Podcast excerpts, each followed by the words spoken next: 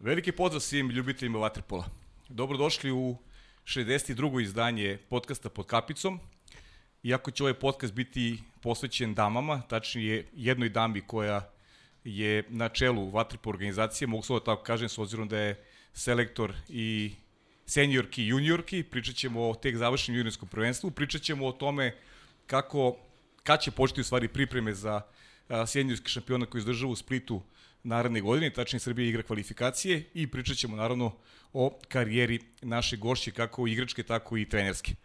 Iako je e, podcast posjećen dama, ja moram da počnem od onoga što je aktuelno, da čestitam vaterpolistima Crvene zvezde na plasmanu u Ligu šampiona. Zaista fenomenalan uspeh. Srbija ima tri kluba, prvi put u istoriji u elitnom takmičenju ima imamo tri kluba i to je naravno za veliku pohvalu i sa zadovoljstvom najavljujem da od 26. imate priliku da u direktnim prenosima na sport klubu gledate sve mečeve u e, elitnom klubskom takmičenju. E, toliko za, za najavu, verujem da ćete uživati u emisiji, kao što ćemo mi ovde i eto sada prepuštam reč mojoj koleginici Sari. E da, hteo sam još nešto da dodam. E, generalno u ovoj emisiji moje prisustvo je najmanje potrebno, s obzirom da su dve dame uticale da se ova treća osjeća u studiju dobro, e, zato što su Aleksandra Milošević i Sara Radović pripremili generalno ovu emisiju i velika zahvalnost Aleksandri na posvećenosti i sa velikim zadovoljstvom ovaj, e, najavljujem da ću je zvati koleginicom od skoro izvanično, što je apsolutno e, zaslužila svojim radom i nadam se da ćemo još dugo godina sarađivati.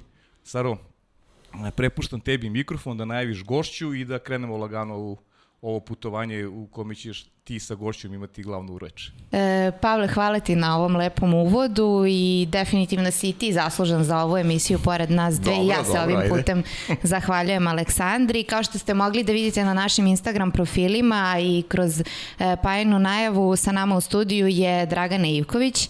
E, dobar dan i dobrodošla. E, hvala vam na pozivu u emisiju.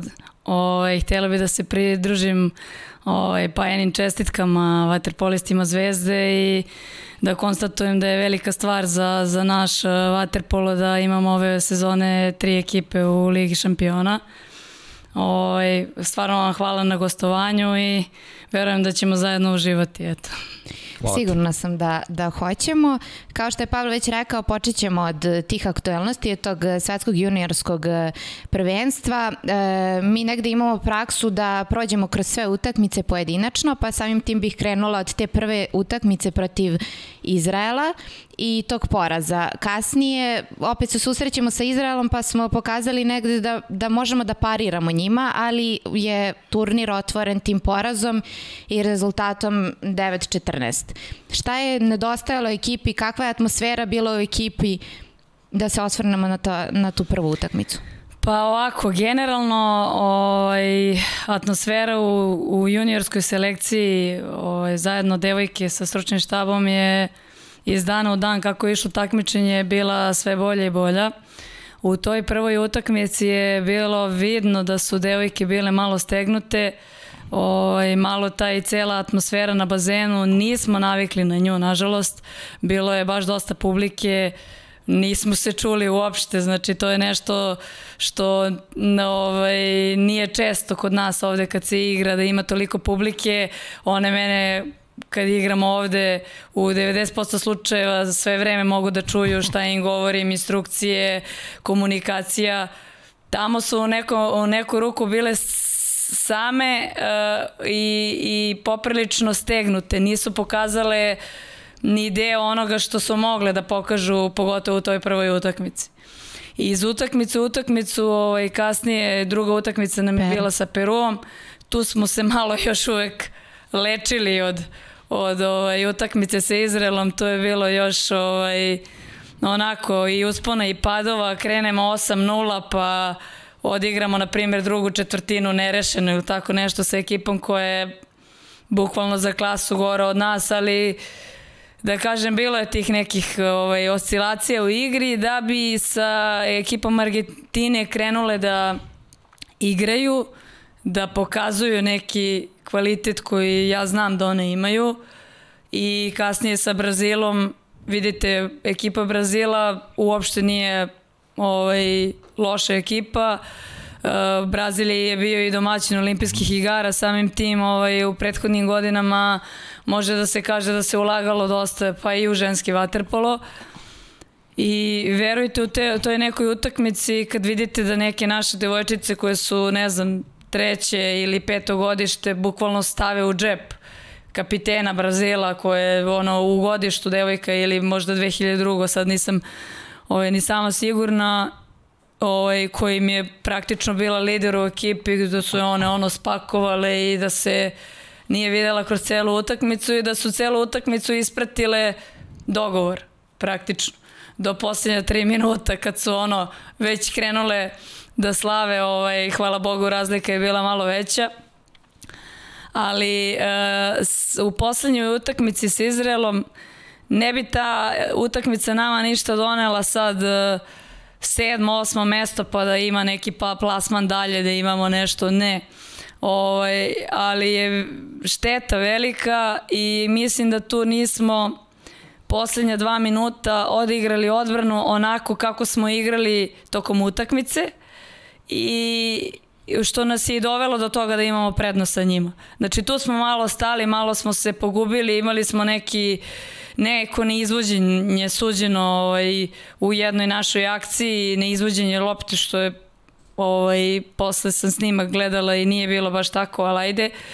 Ovaj, I dosta smo bili isključivani, ovaj, ne znam da li 5-6 igrača manje i peterac u poslednjoj četvrtini. Ovaj, tako da i pored svega toga mislim da smo ovaj, negde trebali u regularnom toku da rešimo utakmicu i da smo mogli tom nekom disciplinom do kraja da izguramo. Nažalost nismo, ali mislim da je veliko iskustvo za dalje i i pored svega da su devojke pokazale da imaju prostora, ogromnog prostora za napredak i da tu postoji neki temelj ovaj, za neki kvalitet i bolju igru u budućnosti. E, dve stvari, baš sam teo da te, da te pitam nešto, znam da vi treneri to ne volite kada pričamo o budućnosti. Uh, da li ima materijala u tim uh, devojkama da sutra postanu onako A reprezentativke što se kaže da da uđu u, u onaj u, u seniorski nacionalni tim. Znam da neće pričati imenima, ne moram to ni, ni, ni da te pitam. I druga stvar, ono što mi je interesantno sa početka tvoje priče, odakle toliko interesovanja u, u Izraelu za, za, za vaterpolo ili uh, baš, eto meni recimo baš ne zvuči da, da, da će, da će vaterpolo svetsko juniorsko prvenstvo za devojčice da izazove toliko interesovanja uh, među navijačima. Pa vidite, Izrael, njihova federacija, jedna dama je na čelu federacije, već godinama unazad uh -huh. i tekako ulaže, pogotovo u ženski vaterpolo. Izrael je igrao i svetsku ligu za žene ovaj, uh -huh. pre dve godine, ne, pre tri godine. Znači imaju neki kontinuitet ulaganja i, ovaj, i imaju sjajnu saradnju. Njihov selektor je poreklom Grk i često su u Grčkoj na sparinzima. Ovaj, tako da... Uh, verujem da je to neko ulaganje i igra svetske lige i u kontinuitetu pa unazad jedno 4-5 godina pa možda i više ovaj, dovelo do toga da postoje i veće interesovanje publike. Jer stvarno, evo, vidi se i na snimku, bazan je pogotovo na toj našoj prvoj utakmici bio pun. Čini mi se da se to ponovilo posle sa italijankama, na primjer, uh mhm. -huh. u utakmici. Tako da, ovaj, Mislim, e, generalno mi se susrećemo sa Izraelom odavno, još 2015. smo mi krenuli sa njima da se saradnju. Oni su dolazili često kod nas ovde. E, naš trener ovaj, je, je u Izraelu Miloš, čovek mm -hmm. ono s kojim smo Ivana i ja odrasle i odigrale i osvojile toliko titula i svega. On je sada, do duše, sad je samo u klubu, ranije radio je sa selekcijom. Ovaj, tako da ulaže se i tekako i, i mislim da je to mnogo lepo bez obzira ovaj, nemaju oni još uvek neke rezultate, ali se ulaže u, u svim kategorijama. Uh mhm. -huh. I devojčice, kako prohodnost da reprezentacije ili ih, ima, ili ih vidiš ti u projekciji nekoj budućnosti? Pa ima devojaka koje te kako vidim sigurno ovaj, i one su tu one su tu zato što imaju šanse da budu sutra i u A selekciji mislim da imamo i tekako perspektivnih devojaka i zato verujem da je neophodno da se ovaj, iz godine u godinu više ulaže i da im se više pažnje posvećuje, jer mislim da to zaslužuju.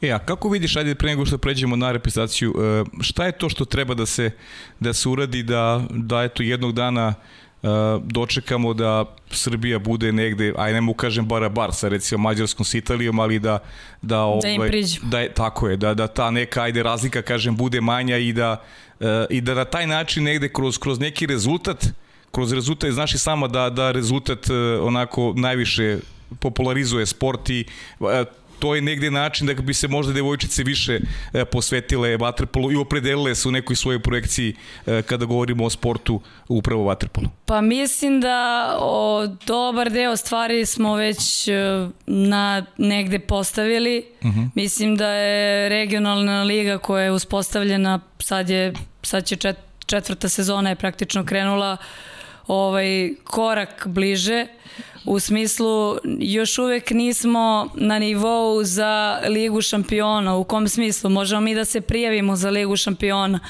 ali da idemo tamo da gubimo od uh, Ujpešta ili ne znam ni ja koje ekipe ovaj, Matara i ne znam ni ja po 20-30 razlike nema nikakve poente. Znači, regionalna liga može da nam donese neki kontinuitet u, u jačim utakmicama, to je plus nekih 20 dvadesetak utakmica mm. po sezoni za naše devojke ovaj, iz tri kluba više i kroz par godina te, posle te regionalne lige da se prijavimo za ovaj, ligu šampiona, da možemo da imamo tu, da dobijemo neki kvalitet u nekoj budućnosti, ali generalno ono što može da se uradi je samo da imamo što više jakih sparinga, jakih utakmica, reprezentativno isto prijateljskih utakmica, stalno učešće na ovaj, evropskim prvenstvima, kontinuitet u učešću na evropskim prvenstvima mm -hmm. i sa mlađim kategorijama i sa seniorkama. Znači mora stalno da se pojavljujemo, da budemo tu da bi u jednom momentu sa nekom generacijom došli do tog nivoa. Uh mhm. -huh. I kaži mi još, još jednu stvar vezanu za, za to svetsko juniorsko Izraelu. Da li si ti kao trener videla neki novi trend E, da li se nešto promenilo u odnosu na neki prošli šampionat, možda neka reprezentacija koja je više napredovala u odnosu na, na neki raniji period. E, onako neki tvoj utisak, ono sad, evo sad prvo što ti padne na pamet, šta ti ono što je nezavisno od učinka Srbije, što si uočila i, i što ti se negde dopalo ili ti se nije dopalo? Pa znate kako, ja sam ovaj, u, ovo je generacija sad koja je praktično bila u Izraelu, naša generacija koja je bila šesta na Evropskom prvenstvu uh -huh. u Volosu 2019. Ovaj, pa ono što je zanimljivo, u Volosu 2019 ovaj, zonu ovaj, 1-5 su igrali, igrale na, samo Španjolke, mhm. -huh. ostali su pokušavali, sad je to manje bi, više bio trend kod većine ekipa. Mhm. -huh. Veliko iznenađenje na ovom takmičenju mi je bila ekipa Rusije, zato što sam ja od Ruskinja očekivala da bukvalno sve raznesu do samog, uh -huh. do mhm. samog kraja. Ruskinje su ispale od ekipe Španije i to ono Ba, to je za mene bilo baš veliko iznenađenje, mm -hmm. pošto smo se sretali sa, sa Ruskinjama, pošto pratim, da kažem, ovaj, te, tu generaciju Ruskinja već dugo, one su i svetski prvaci bile, praktično branile su mhm. ovaj, svetsko, svetsko zlato i one su onako, da kažem, jedno ovaj, iznenađenje bile. A što se tiče eto neke nekog igračkog i taktičkog trenda, eto to to je nešto što što je bilo zanimljivo ovaj od pre dve godine do sada. Mhm. Mm ok, hvala ti. Vratila bih se na utakmicu protiv Grčke, jer su samim tim porazom e, nisu ušle eto, da se bore za tu medalju. Pa me zanima koliko je njima teško bilo posle toga je usledio poraz i protiv e, Holandije, e, kasnije protiv pa sad Izraela, je li tako, u petercima ne.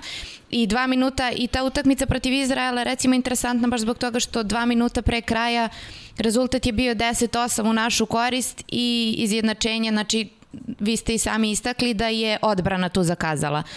posle te utakmice protiv uh, Grčke, koliko je njima bilo teško da, da negde moralno ostanu jaki i da se bore ili ipak to najviše uticalo zapravo da krajnji ishod bude to osmo mesto?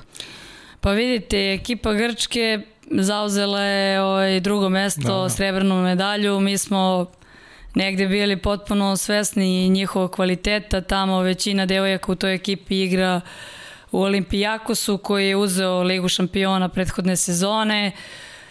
Uh, moram da kažem da smo negde i u utakmici sa Grkinjama sigurno da smo mogli da napravimo bolji rezultat i sa Grkinjama i sa Holandjankama, ali bi možda u tom momentu otvorili neke karte i, i istrošili devojke koje su za redom igrale u sedam dana sedam utakmica.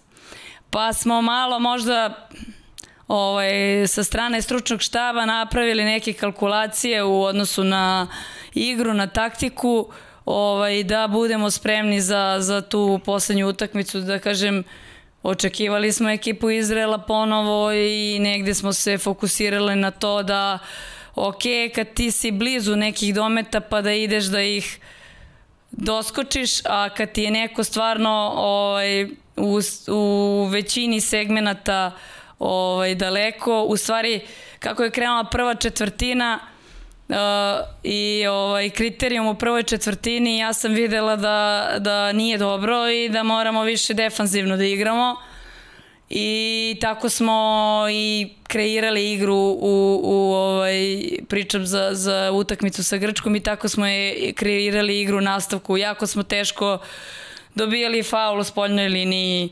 Uh, bilo je puno onako uh, dominantne su bile fizički u odnosu na nas. Uh, ne plivački, ali fizički ono jače i prosto nisam htela da idem na to da se devojke sa njima tu ovaj, ni troše preterano, a da ovaj, imamo utakmice kasnije, treba još da igramo. Mislim, da je bio neki drugi protivnik, sigurno da bi, da bi drugačije ovaj, u, u tom uh, u utakmici za polufinale, sigurno da bi se drugačije i taktika pravila. Da, možda drugačija formulacija, pošto medalja je i dalje ogroman, onako san za, za ženski Jest. vaterpolo, to je, to je realna priča.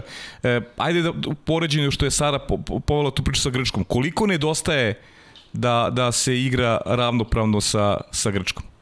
Pa ne do, u, u godinama ili pa, godinama rada ili... Godinama rada kako god. Kako ti vidiš, eto gledaš utakmicu i sad projektuješ sebi u glavi naravno da svi i devojke i ti želite pobedu, to, ali, ali to, je, to, to je normalno, to, to je ljudski. Je, sa kim god da igraš, pa Tako uđeš je. pa ono, hoćeš da pobediš. Naravno. Nema šta, to je prosto mentalitet takav i kod svih devojaka koje su u, u našoj selekciji.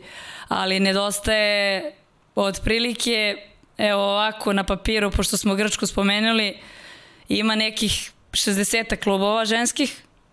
Mm -hmm. uh, ima u kontinuitet, ja mislim, u predvolos imali su A, B i C ovaj, selekciju sa po nekih 40 devojaka u svakoj. Znači A selekciju mm -hmm. za generaciju do 17 godina, B selekciju, znači mi imamo trenutno oko 170 takmičarki u svim kategorijama. Mislim, e, treba da dođemo, na primjer, na broj da imamo širi spisak od 50 devojaka u jednoj generaciji. I mi ćemo biti egal sa njima. Ja garantujem to. Znači, 50 devojaka u jednoj generaciji u godištu i egal smo sa Grčkom, sa Italijom, sa kim god hoćete. Mislim, mi smo i taj volos imali širi spisak od 18 devojaka koje opet e, nisu bile sve u generaciji. Imali smo četiri koje su bile 2002. i sve ostale 2003. pa čak i 2005. prvi gol. I bili šesti posle te Grčke. Znači, da imamo po generaciji koje se takmiče širi spisak od 50 devojaka i igraćemo egal sa njima. I u to sam sigurna. To bukvalno mogu da, ne znam, da ne, da ne potpisujem, ali mogla bi da potpišem, stvarno. Zato što znam, znam koliko radimo sa njima, koliko su u nekim segmentima elementarnim ovaj, stvarno na vrhunskom nivou. Ono što fali je definitivno našim devojkama teretana. Uh mhm. -huh. Nemaju svi klubovi mogućnost ovaj, suvih treninga i teretane na tom nivou na kom imaju naši rivali praktično.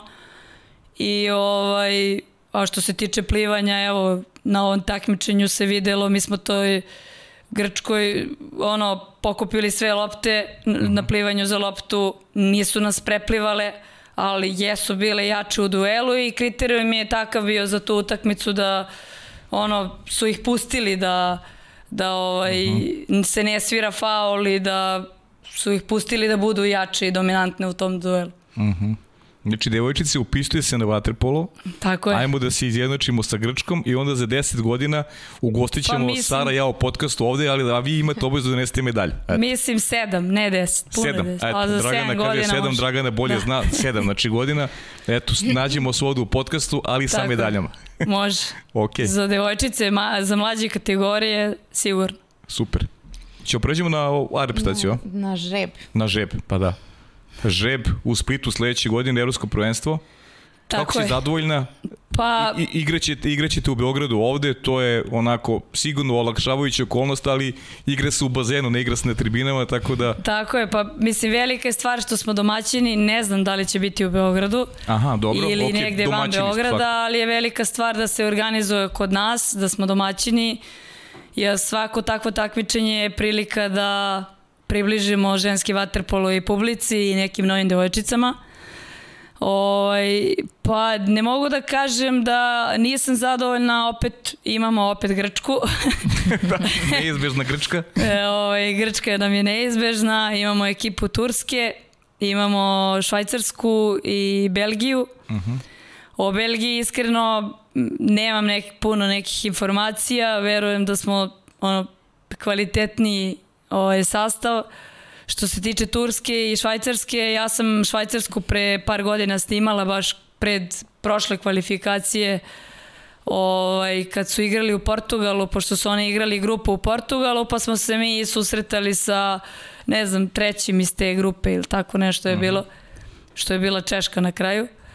Ovaj, ekipa Švajcarske uopšte nije bila loša na tom turniru, imaju dve, tri devojke koje su u Kanadi i jedno u Americi, na primer, tako da verujem da za te ekipe treba da se dobro spremimo, da treba na vreme da krenemo da radimo i ovaj, naravno o, cilj je plasman cilj je plasman i to bi Dragana bilo koliko? Četvrto vezano u Evropsko prvenstvo, tako na kome... Četvrto i to je tačno ono što smo rekli što treba da imamo da bi nekada u budućnosti imali neki rezultat. Uh. -huh. Da imamo kontinuitet, niz u tim takmičenjima, da kroz dve godine, ovaj, u stvari tri, ovaj, nam bude cilj da budemo u sedam, uh mhm. -huh. pa da uđemo i u kontinuitet na svetskom prvenstvu, da imamo jedne godine svetsko, jedne evropsko.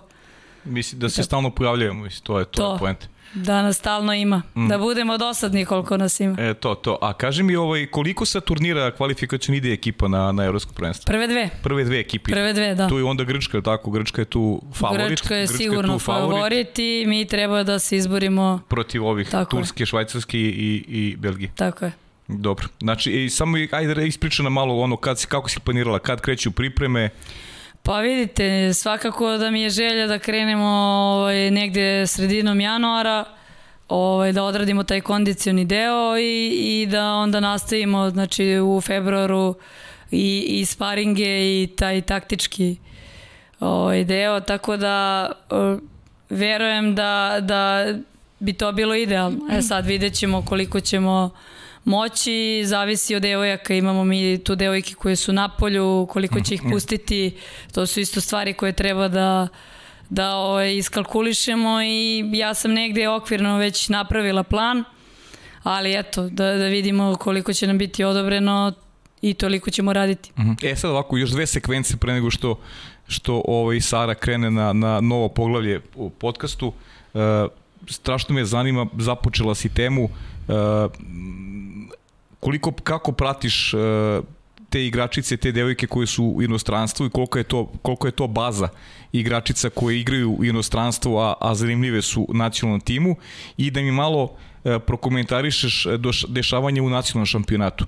Da li je situacija u ženskom vaterpolu bolje u odnosu na prošlu godinu i, i da li, pošto sam uh, primetio sam da postoji trend da dolaze i devojke iz inostranstva da igraju u Srbiji, koliko su te devojke kvalitetne da mogu da pomognu oblikovanju ov, ovdašnjih domaćih igračica, jer kapiram da kad dolazi neko iz inostranstva da treba da ima onako baš izrazit kvalitet koji, mislim, tako ja zamišljam, tako je mali, mali Perica zamislio kako treba da izgleda kad neko dolazi dolazi iz inostranstva da bude baš kvalitetniji i da, da utiče da e, ti domaći igrači postanu uz njega bolji. Pa evo ja ću sad dati jedan primer koji ima veze sa, sa ovim svetskim prvenstvom. Nama je, ovaj, pošto sam ja i, i trener Zvezde, nama je prošle mhm. -huh. sezone došla ovaj, Cecilija Diaz Meza iz, uh, sa Kube, uh, koja je inače centar mhm. -huh. i Samo ću vam reći da, da ovaj, smo mi o, na ovom takmičenju imali dosta dobre bekove. Uh mhm, -huh, I uh mhm. -huh. tu ovaj, bi pohvalila stvarno ovaj, sve igračice koje su bile na beku, ali uh, to je taj moment koji, koji je doveo da, do toga da imamo, da moramo da -hmm. pravimo dobre bekove ovaj, u tom nekom smislu. Sada čini mi se da je Vojvodina dovela neke dve devojke iz e, Rusije, e, nisam, nisam imala priliku nešto puno da ih gledam, ali verujem da, da će sigurno podići ovaj kvalitet e, rada i treninga, ali znam za nas, ovaj, za Zvezdu da nam je došla igračica iz Grčke, iz Etnikosa, koja je bila u ligaškom delu prošle sezone najbolji strelac tamo. Uh mhm. -huh. I opet je donela neki svoj, uh, nešto svoje i ne, ovaj, za devojke koje su dosta mlađe od nje, pošto je ona 96. godište, kao i Cecilija, i koje sada imaju na treningu nekog uh, ko će da ih vuče napred. Uh -huh. I mhm. to je stvarno velika stvar. Uh -huh. I mislim, to treba da bude neki trend kada dolaze kada dolaze igračice, znači da prosto povuku našu decu, našu bazu napred. E, tu bi bilo bitno da sad ne krenemo svi da dovodimo po pet igrača, nego da se ograniči broj i to treba sa strane strukture Saveza da, da se odradi sigurno na dva do tri strane igrača kako bi uh, ti igrači bili uh, neko ko će da vuče našu ligu napred, a ne na kraju da nam cela liga bude strani igrači i kad se zavrne Slavina, šta smo radili? Ništa. Znači, mora sistemski da se, da se taj deo dotera, još uvek nije doteran, ali ovaj, sigurno da ću težiti ka tome da, da to dovedem do tog nekog nivoa, da ovaj, ti strani igrači budu nešto što će da, da podigne. Uh, ovaj, naš ženski vaterpolo, a ne da bude neka o, mazanje očiju ono, na par godina pa doviđenja. Uh -huh, uh -huh. Eto, to, to, to, je, to je neka... E, jeste dobro, jeste nam liga sve bolja, uh -huh. da naše igračice napreduju i tako treba da ostane. A kaži mi za ove devojke koji igraju u inostranstvu, kako pratiš koliko su, koliko ih ima na neko, nekoj projekciji tvog uh, budućeg, budućeg sastava? Pa vidite, imamo njih pet koje su u Americi uh mhm. -huh. ovaj, i verujem da je to da kažem koliko plus toliko i nije baš tako dobro za, za naš vaterpolo što postoji taj trend ovaj, i koji će nažalost u budućnosti verovatno biti sve brojniji ovaj, odlaska igračica u Ameriku. Uh, a zapravo one tamo obezbede škole, stipendije, full stipendije za, za ovaj, školovanje i ne može čovjek da im zameri, prosto to je ono, završe sebi školu preko sporta, eto. Mm -hmm. ovaj, u komunikaciji sam sa njima, uh, bile su letos na, na priprema s reprezentacijom, koliko bude bilo moguće ovaj, vezano za, za kvalifikacije da budu prisutne biće ako ne bude bilo, neće biti, mislim, ako ih ne postoji škola. Imali smo sada situaciju za svetsko prvenstvo, Rončević, e, Tijana je došla iz Amerike, e, na primjer 19. i priključila se, 19. septembra i priključila se reprezentaciji za, za svetsko prvenstvo. Uh -huh. o, mogla je, trebala je i Anja Mišković da dođe, ali je nisu pustili sa fakulteta. Anja Mišković je bila praktično ono ako ne prva postava, prva ovaj, izmena u Volosu. Uh mhm. -huh. Znači bili smo i bez nje, ali sva sreća neke devojke su napredovale umeđu vremenu pa su uskočile ovaj, i popunile mesto, ali naravno da bi bilo lepše da smo mogli svi da, da budemo tu i da se svi bore za, za tih 13 da, da prođu. Tako da veliki je problem sa tim devojkama koje su ovaj, u Americi. Mislim, daleko je drugačiji sistem takmičenja. Oni se tamo takmiče 2-3 meseca, pa posle imaju plivačke treninge, pa... A, ovaj, ali ovde sa Jelenom, Nadom, uh, pa i Janjom, Janja je u Rumuniji ove sezone, ovaj, Jelena u Italiji, Nada u Španiji, tu je komunikacija lakša, to je daleko bliže i jednostavnije da se organizuje. Naravno, ovaj, one su devojke ovaj, juče prekjuče najavile klubovima o neki raspored koji sam im dala i sad klubovi treba da, da daju zeleno svetlo. E, a znaš šta me zanima, tvoj lični stav? E, da li si pristalica uh, naturalizovanja e, igračica konkretno iz, iz inostranstva koji bi mogli da eto, možda učine i boljom reprezentacijom ili, ili držiš se onog stava da treba da igraju samo devojke koje su, koje su iz Srbije? Pa znate kako, ovaj, jesam ako je to neka pozicija koja će nama na neko, neki duži period da donese boljitak, ali ne sad da ne pet po njih cenu, da. Mm. ovaj, dolazi da igra, ne. Mislim da pre svega to treba da budu naša deca, a ako bi se jedna ovaj, igračica mm -hmm. o, ovaj, ako bi jedna igračica uzela praktično nas, naš pasoš i to u nekom cilju dok neke naše igračice ne stasaju za neki period, zašto da ne? Ali ne po svaku cenu. Mm -hmm. Okay. Ništa, sada prelazimo na tvoju karijeru. E, vaterpolo počinješ da igraš sa 17 godina, ali pre vaterpola treniraš košarku. Negde sam pronašla podatak da si imala povredu kolena i da je to uticalo na odustajanje od te košarke, pa ajde da, da pričamo malo o toj košarci. Pre intervjua nam je rekla, pa malo sam trenirala neki 7-8 godina. Da, ovaj, malo, pa njoj je malo 7-8 da. godina. A pritom je bilo uspješno, ali eto, skromna je. Pa da, evo da, da nam ti ispričaš iz tvog ugla kako, kako se sećaš tog perioda te košarke do Waterpola. Oj, pa ja sam košarku igrala u osnovnoj školi od nekog, na primjer, drugog, trećeg razreda, ovaj, praktično do kraja osnovne, jer sam u osmom razredu na nekoj utakmici Beogradske lige, inače u tom momentu smo igrali Beogradsku ligu, Vojvođansku ligu, prvu B ligu, znači neka tri takmičenja ovaj, u tom momentu i ja na onom onom najmanjem ovaj, ono, povredim se u, u trku, devojka je krenula da mi, prenosila sam loptu, da mi uzme loptu i kolenom me svojim u moje koleno udari u trčanju, to je to je baš bilo onako strašno, onda se to izletelo mi je koleno, Međutim, ja nisam baš bila od onih koji će da miruju sada. Ja sam mirovala dva, tri dana i ono, čim se malo otok povukao, ja sam krenula ponovo. I onda smo igrali kup Radivoje Koraće, na primjer, za mlađe kategorije i ja samo sam doskočila na koleno, bukvalno ono, i tre, vodim loptu, stanem, zaustavim se, doskočila na obe noge i ono u mozgu mi, ono u glavi mi pukne nešto, bukvalno to je taj bol neverovatno. I tu skapiram da ne mogu više korak da napravim, da ono je nešto da kažem ozbiljnije i išla sam na magnetnu rezonancu i snimili mi koleno i našli da su mi pukli prednji ukršteni, kolateralni meniskus, ono šest izliva krvi i tako, mislim ja osmi razred, ono da je klinka, nemam pojem.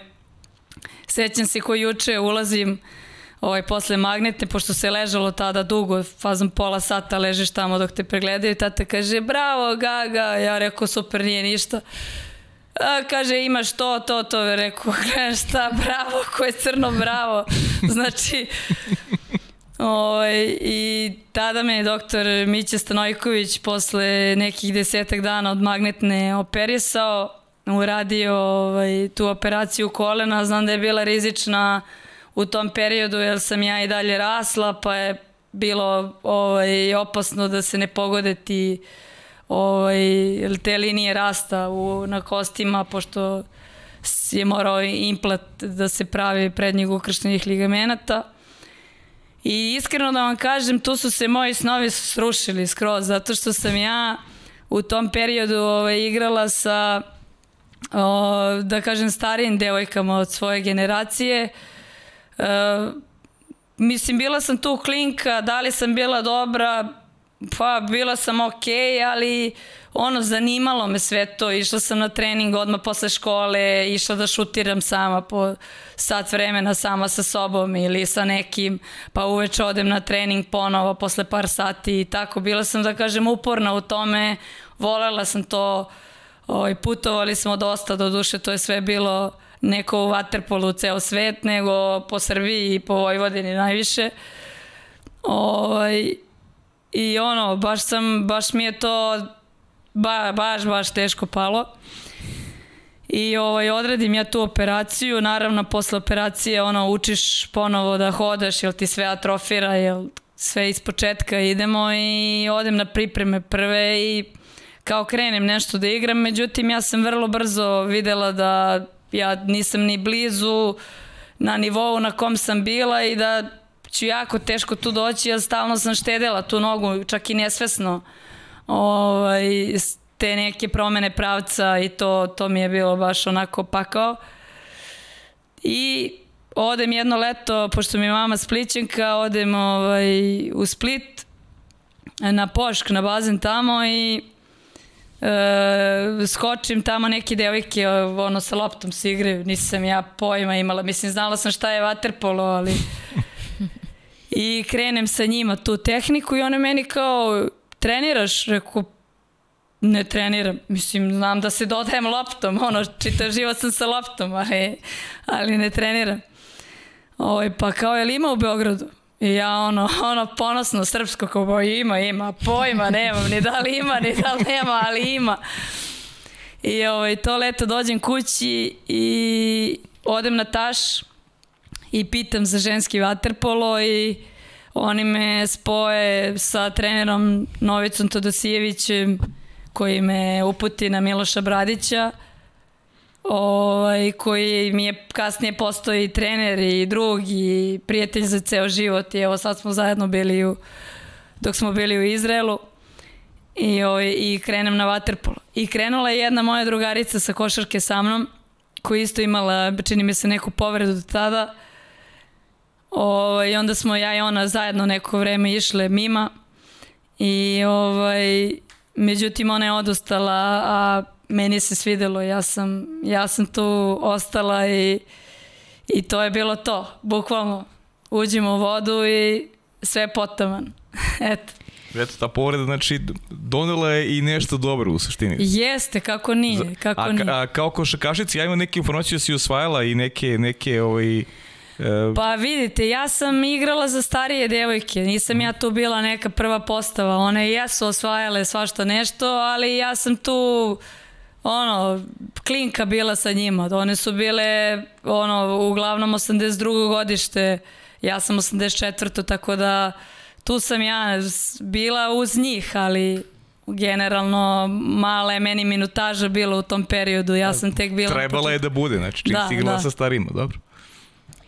Da, eto, osvrnula bih se na te početke. Kako se sećaš tih e, početaka Nataša? Ti si 2000-te e, krenula da treniraš? Kraj godine, mislim čak e, sam kraj 2000-te ili možda čak početak 2001.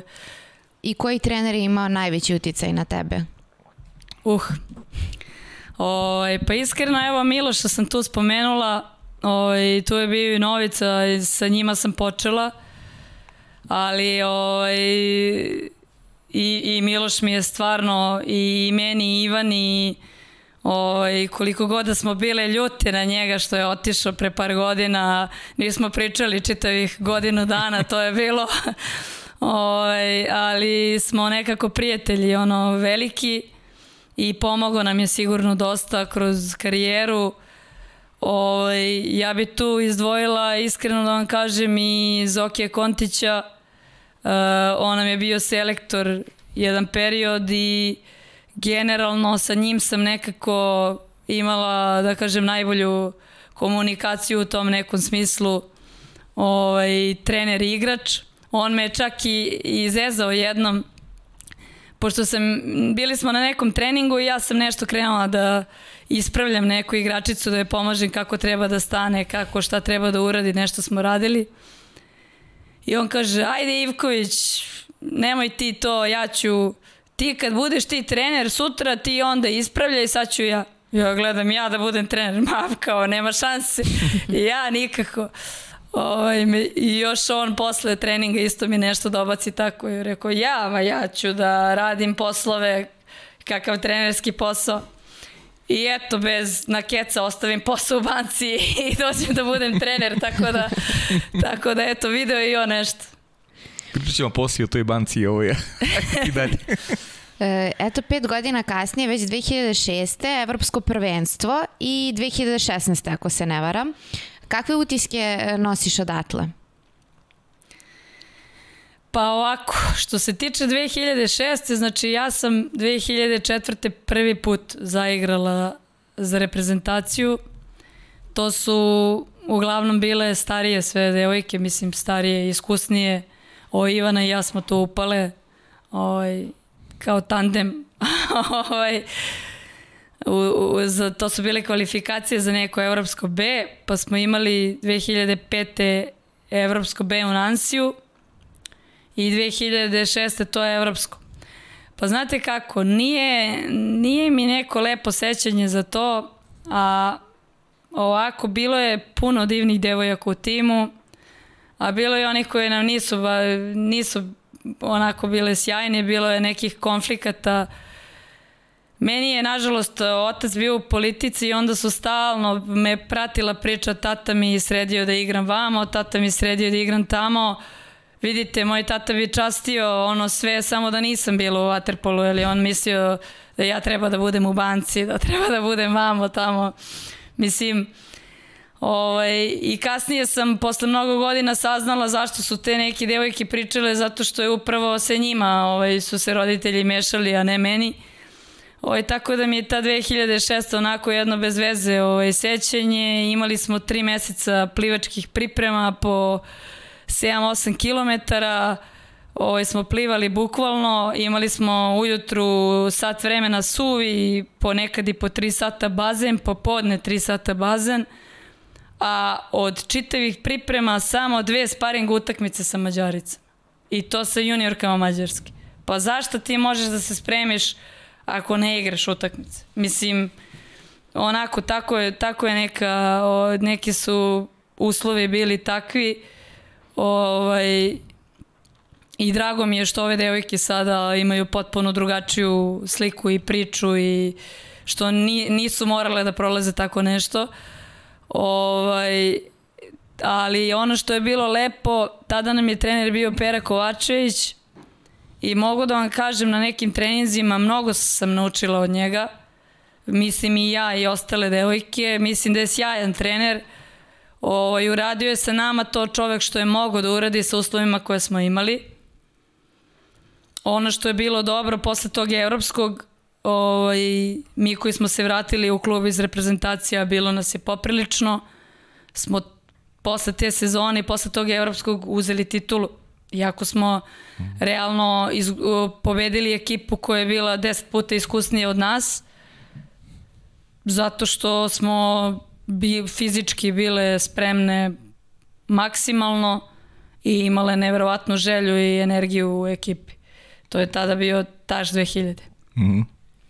Da, bilo bi lepo da, da eto uporedimo situaciju u ženskom vaterpolu uh, kada si ti počinjala i sada. Sada se i priča koliko toliko, nedovoljno, svi se slažemo sa tim, ali da li si se i tada susretala sa nekim predrasudama kada kaže da treniraš vaterpolo, da li je to muški sport, da li si imala takve komentare, da li su tvoje okruženje pre svega, da li ti je govorilo možda da treba da, da jednostavno ostaviš taj vaterpolo i da se baviš nečim drugim. Pa jeste, evo, spomenula sam tatu, on da. je ovaj, da kažem, bio je srećan kad sam ja srećna zbog mene, ali bi bio srećan da nisam, ovaj, da nisam se bavila vaterpolom, on je voleo košarku, on je trenirao košarku i tu me podržavao maksimalno. Ne mogu da kažem da me u vaterpolu nije podržavao i došao bi mi na poneku utakmicu, ali uh, jesu svi, ovaj, odnosno velika većina bila sa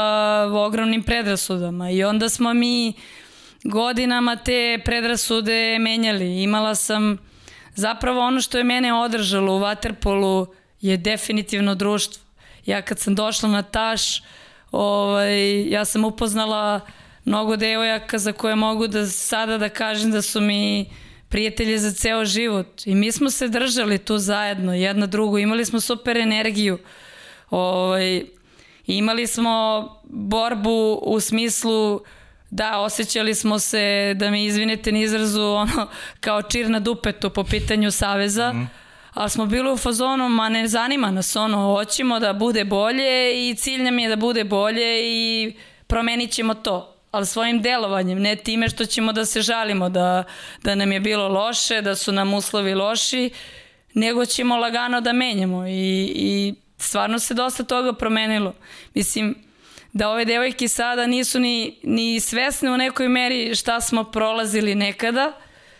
Mislim, one mogu da budu svesne sada ako se osete ponekada, sigurno da se osete iz nekih ovaj, bez veze situacija, ono, da su malo u zapećku, ali je mnogo bolje nego što je bilo. Daleko bolje nego što je bilo. Mislim, mi imamo ranije od eventualno jedne generacije koja se pojavljivala ovaj, na nekoj evropskoj sceni ko, u kojoj se ulagalo. Mi imamo ovu sezonu gde smo igrali evropsko za 15 godina, igrali evropsko za 17 godina, igrali svetsko prvenstvo i imali kamp za generaciju do 13 godina. Pa to nikad nije bilo. Da, da li bi voleli da je bolje? Voleli bi. Da li treba da bude bolje? Treba. Ali m, dobro je. Bolje je nego što je bilo. Idemo malo po malo da delujemo, da ovaj, nekim dao Bog rezultatima, da se namećemo i da dovedemo do toga da bude još bolje. E, slažem se s tim, definitivno, ali bih prešla sada, ako se ne varam, ti prvi put odlaziš iz e, zemlje u Tursku, je li tako? Ili je Holandija pre, pre Turske bila? Uh, u Tursku, u Tursku. U Tursku. Kako donosiš tu odluku, prvi put odlaziš i igraš u stranoj, u drugoj državi, kako se snalaziš, kakav je život tamo, kakav je ženski vaterpolo tamo? Pa vidite, nisam otešla sama, sa mnom su u tom momentu otišle e, Jovana Dujović, Ivana Ćorović i e, Eleonora Đurić i sa nama je u Tursku prešla i Buba Ana Marija Rejić iz Hrvatske. Mi smo otišli u Galatasaraj da igramo ovaj, praktično Euroligu za njih. Tačnije, to je bio tada, čini mi se, Len trofej u Sevilji. Vidite, otišli smo tamo zato što su nam stvarno ponudili sjajne uslove. E, svaka od nas je želela da proba, ok, ovde smo u, do tog momenta osvajali sve živo, postalo je malo i dosadno u nekom momentu zato što igrate finale i pobeđujete sa po 10-15 razlike, mislim, nema nikakvu poentu. I hteli smo nešto novo, ovaj, do te godine naš klub, Taš 2000 je čak i učestvovao i u Len uh mhm. -huh. trofeju i u Ligi šampiona, zavisno kako koje godine. Te godine iz nekog razloga nije i mi smo otišle tamo nas četiri da igramo I bilo je fenomenalno iskustvo, mislim, što se tiče uslova, nešto što nikad nisam doživela ovde, a pitanje je da li, da li će iko skoro doživeti što se tiče uslova.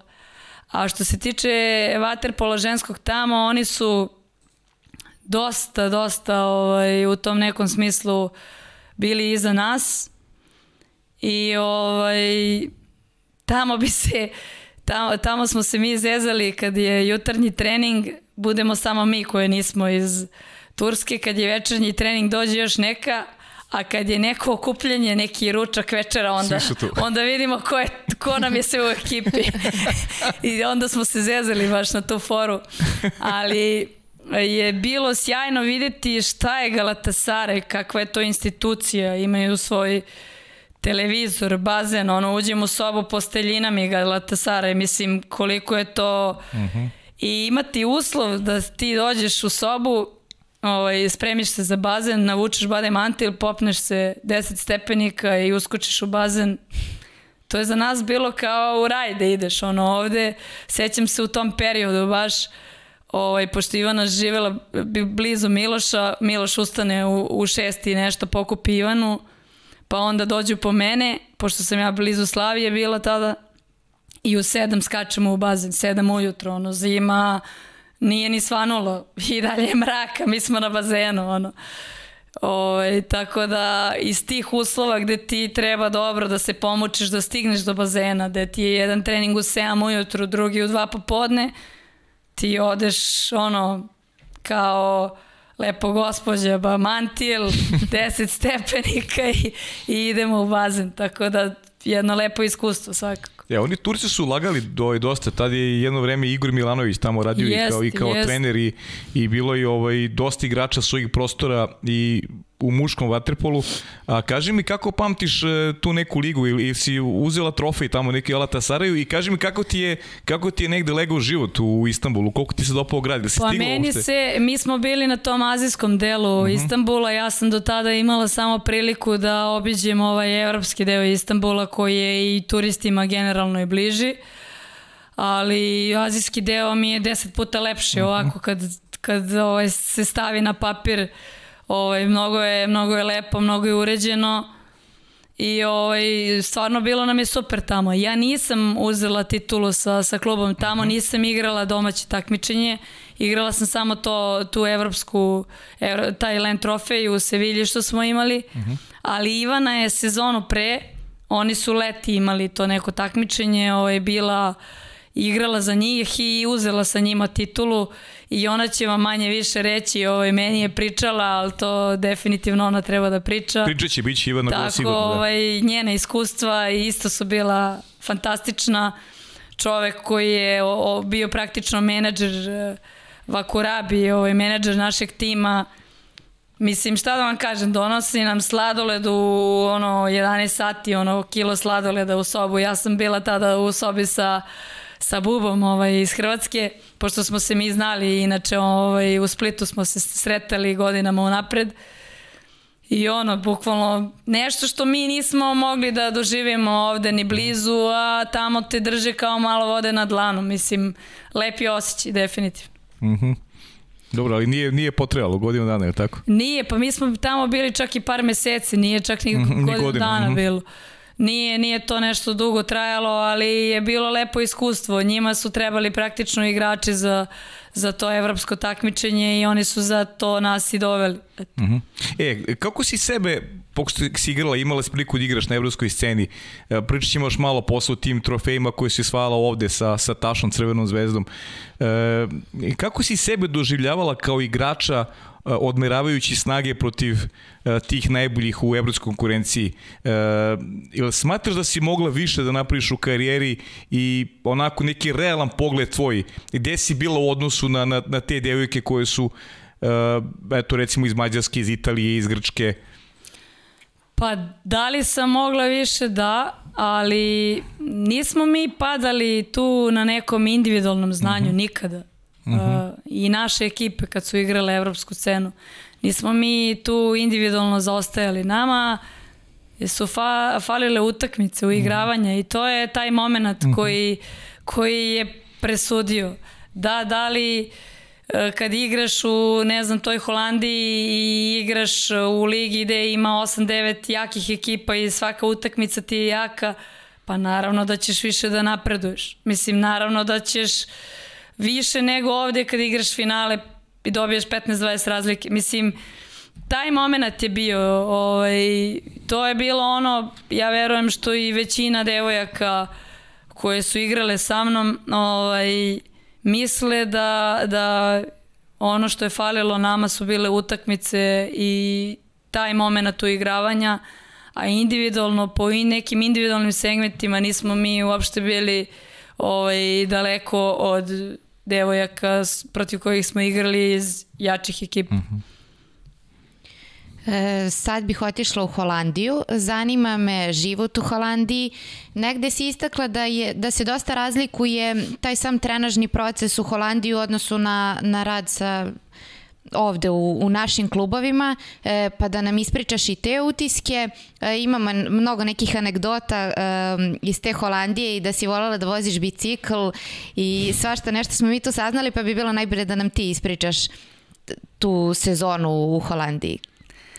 U, pa bila je, bila je sjajna sezona, stvarno, mislim, uh, ja sam u tom momentu, ovaj, moji su me u stvari, uh, malo me uhvatila nostalgija brzo kad sam otišla tamo, šta se desilo, uh, mo, sestre moje, pošto su obe pravnici, završile su pravne fakultete, uh, krenule su da rade u firmi porodičnoj sa tatom i tako su oni svi bili na okupu i svaki put svi zajedno mene zvali. I unili su mi onako određenu dozu ovaj, nemira i nostalgije brzo. A, i, I to me u nekom momentu, na nekom početku tamo malo i poremetilo, iskreno da vam kažem. Ovaj, ali što se tiče života tamo i lige tamo je jedno sjajno iskustvo mene i Ivano je tamo pozvao Zoran Stanišić, on je bio trener Dehama u tom periodu. Deham je igrao tu R diviziju, tu ligu najjaču ovaj, tamo. I e, mi smo došle, sećam se to jutro kad smo krenule, bukvalno u 4 ujutru smo ustale, u 7 nam je bio let, Uh, pokupili su nas sa aerodroma, otišli smo u neke klubske prostorije i uveče utakmica sa Polar Bearsom. Znači, ono, tempo, ne, ne znaš gde se nalaziš.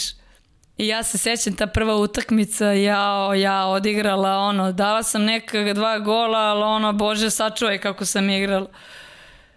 I Zoran, ono, završavamo utakmicu, vidim besan i ja i Ivana, ono, mislim, ustale smo u četiri, realno kad pogledam nismo ni spavale ni jedna ni druga, ono pakovanje pa dok legneš pa ne znam jesmo imale par sati. Ja rekao dobro, ajde, bit će bolje. Još moji ono tada krenuli to zajedno da rade, zovu me. Međutim, kako su išli dani, kako su tekli dani utakmice, treninzi, sve to meni počelo mnogo da se sviđa u smislu bilo je drugačije od onog što smo imali ovde. Svaki vikend uh, smo imali, svake nedelje smo imali po neki sparing, da li u Utrehtu, da li u nekom drugom gradu. Krenuli smo da se družimo sa, sa devojkama iz tima. ta utakmica prva je bila protiv ekipe Polar Versa. E, dolazi ekipa Polar Versa kod nas. Ovaj, prvo smo izgubili nešto dosta, baš. Dolaze oni kod nas, to je sad već prošlo možda mesec dana, možda malo jače.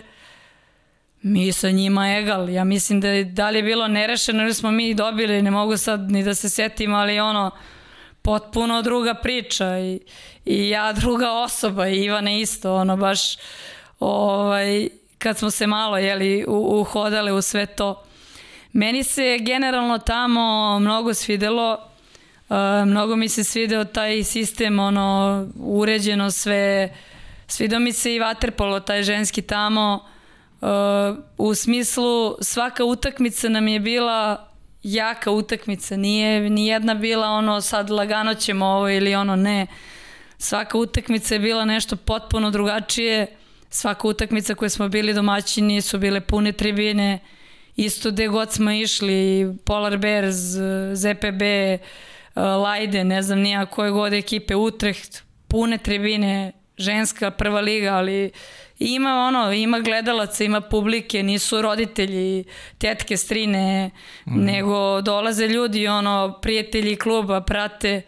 To je jedno lepo iskustvo koje ovaj, bi volela da u nekoj budućnosti ono pređe i kod nas da ljude malo više, malo više se fokusiraju na, na sportska dešavanja, malo, malo manje na ovaj, ove emisije koje imamo raznorazne Jasno. I tako. Razumemo se. Da.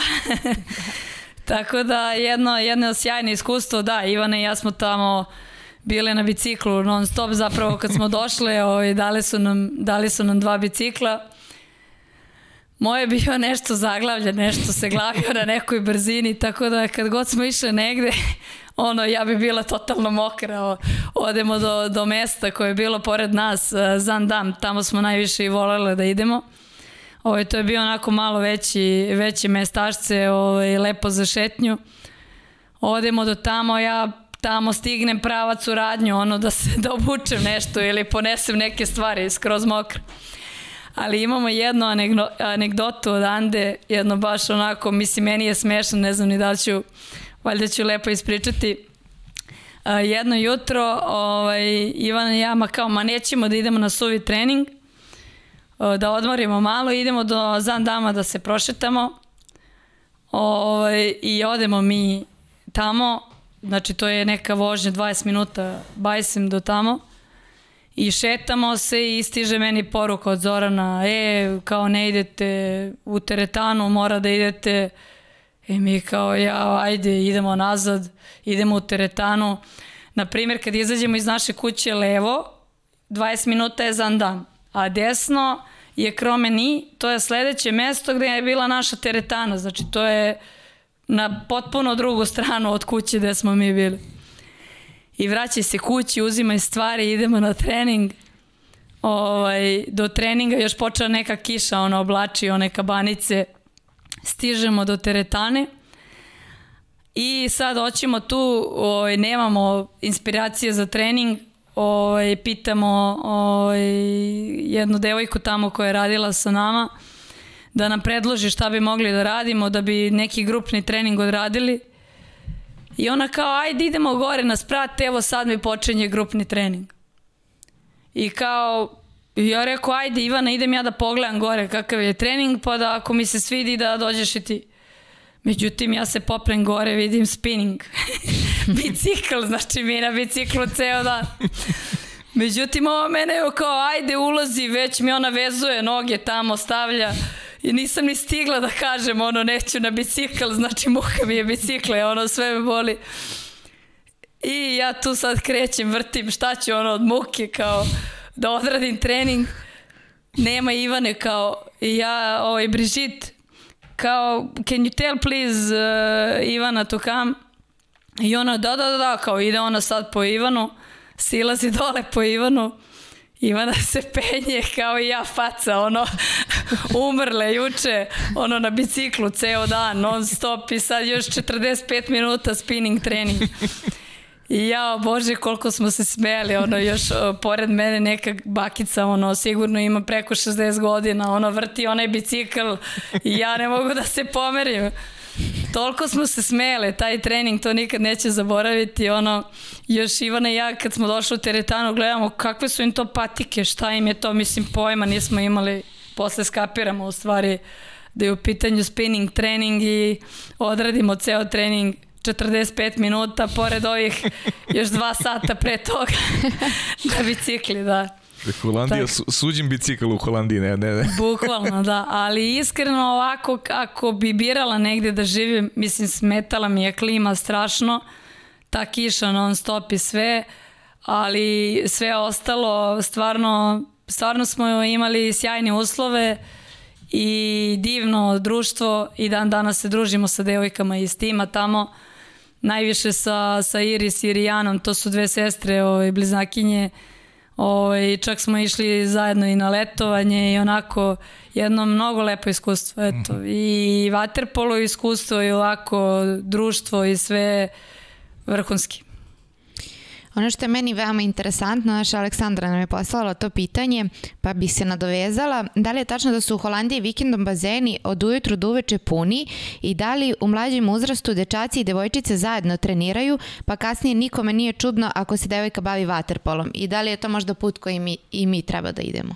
Pa sigurno da da, ja sam ovaj, par puta i, i pričala na tu temu, znači tamo kad krene vikend, pošto ima više nivoa lige, ovaj, mislim za žene ono do 9 ili tako. Mi, sećam se da je naš tim imao prvi, drugi, treći tim i četvrti tim su bile te neke kategorije, ali bilo je timove koji su imali ono ovaj, po 8-9 generacija.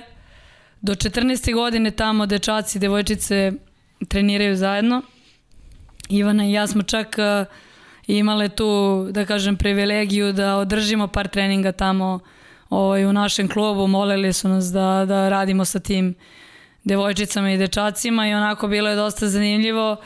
Uh, potpuno ne postoji nikakva predrasuda, treniraju zajedno do 14. godine, posle se selektuju za, za timove po, po generaciji. Uh, a kad krene ovaj, subota ujutru pa do nedelje kasno uveče, samo se smenjaju utakmica za utakmicu. Bukvalno pun je bazen, ono non stop, što publike, što ovaj, aktivnostima, onako lepo, lepo da se vidi. E sad kad si već pomenula to da ste održala taj trening, je se možda tad javila prvi put e, želja za tim trenerskim poslom?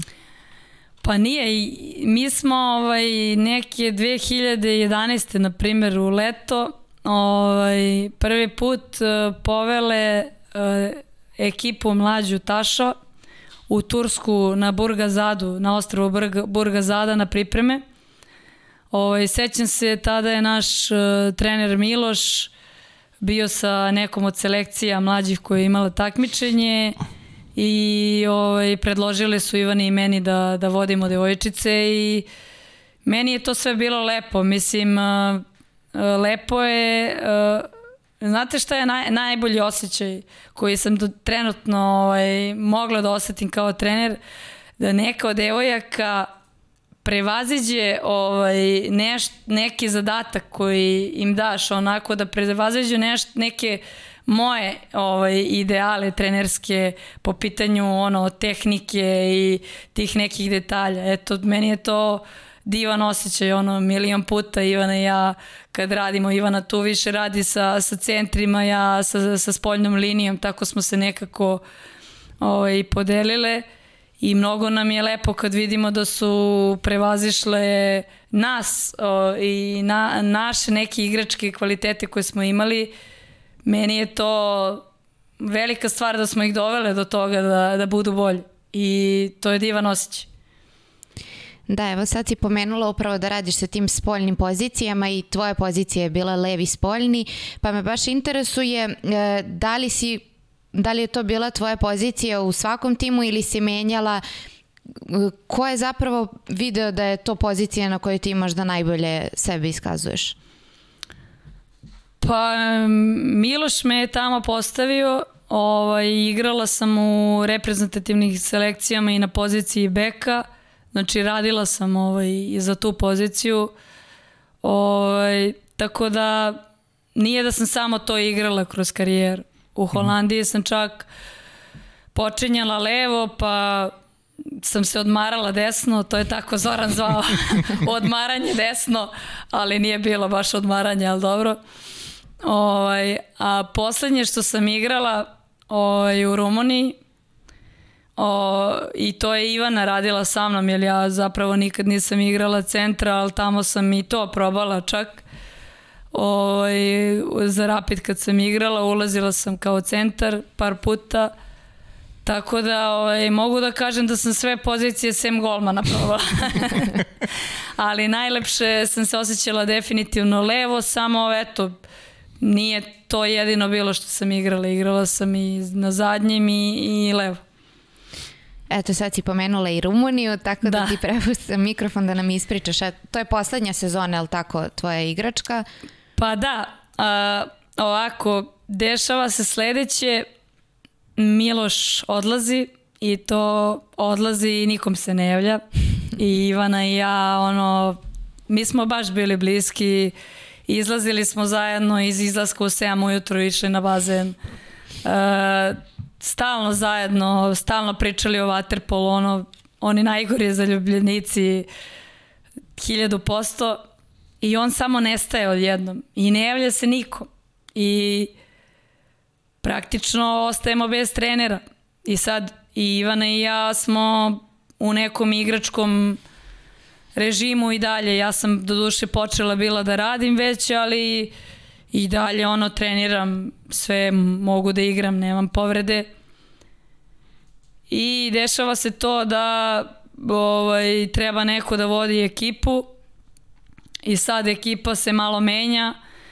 Uh, Ivana i ja smo sezonu pre, na pola sezone preuzeli e, ekipu Taša koja je u stvari bila podmodak zvezde i dalje i još uvek je.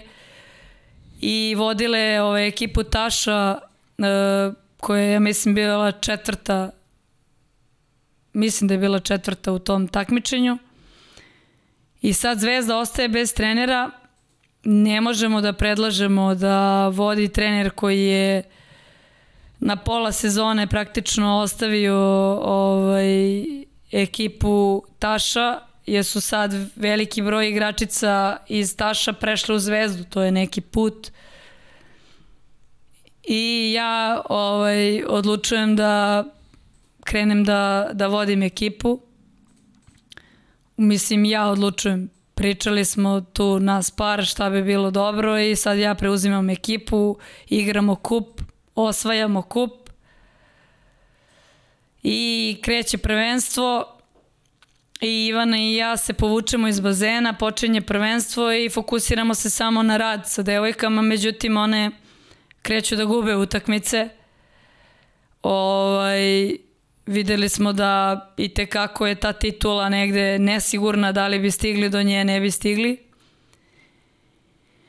I mesec i po dana pre uh, kraja sezone skačemo u bazen i jedna i druga, jer do tada imamo informaciju da ako izgubimo titulu, ostajemo bez sati na bazenu, na primjer. Uh -huh. Znači, treba ti neki rezultat da bi sačuvao broj sati, da bi te devojke koje dolaze imale uslove. Idemo u Dunaj Varoš ovaj, sa, sa trenerom Nikolom. Trener Nikola vodi sada ekipu Taša ovaj, i skačemo tamo. Sećam se, pred sam Dunaj Varoš igramo sa Vojvodinom i Vojvodina nas dobija nešto ono, dosta. Oni su nam, da kažem, bili tada rivali i mi odlazimo u Dunaj Varoš, krećemo da ono, radimo tih meseci po dana ozbiljno, Ivana i ja, ja mislim, ono, raspad totalni. Ovaj, nismo dugo ni, jesmo trenirale, ali nije to bilo tim intenzitetom i sada ti se vraćaš za, za taj neki kraj. I prva utakmica kod nas i mi dobijamo Vojvodinu 8 razlike druga utakmica u Novom Sadu, gubimo go razlike, ali uzimamo titulu. Ovaj, I to je nama, da kažem, bilo bitno. Eto, jel smo zbog tih sati i uslova za devojke ono, morali na taj neki korak i da se odlučimo u nekom smislu. Tako da, da kažem, ostvarujemo taj neki cilj, uzeli smo te sezone, znači ponovo i kup i i prvenstvo. Sezona sledeća, ovaj, sad mi vodimo klub, nemamo apsolutno nikakav izvor prihoda sem članarina i ja se negde odlučujem, dobijem neki poziv iz Rumunije i odlučujem se da odem tamo da, da igram jer sam dobila stvarno lepe uslove. Odem na po sedam dana uglavnom, uh, odigram te utakmice što ima, zaradim neki novac, vratim se, to, je bi, to su bila sredstva koje smo mi, ono, da kažem, usmeravali na, na devojke, na opremu, na autobuse, tako da to je bila ta neka moja sezona u Rumuniji. Ja Sezonu bi... u Rumuniji si koristila da u principu plaćaš potrebe Pa, kluba. To je, više. da, to je bilo, nažalost, ono, Ivana i ja prvi put vodimo klub, ne znamo ništa o tome, sve nam je novo, nemamo neki izvor prihoda, jedini izvor prihoda je ono da nađeš nekog da ti donira pare.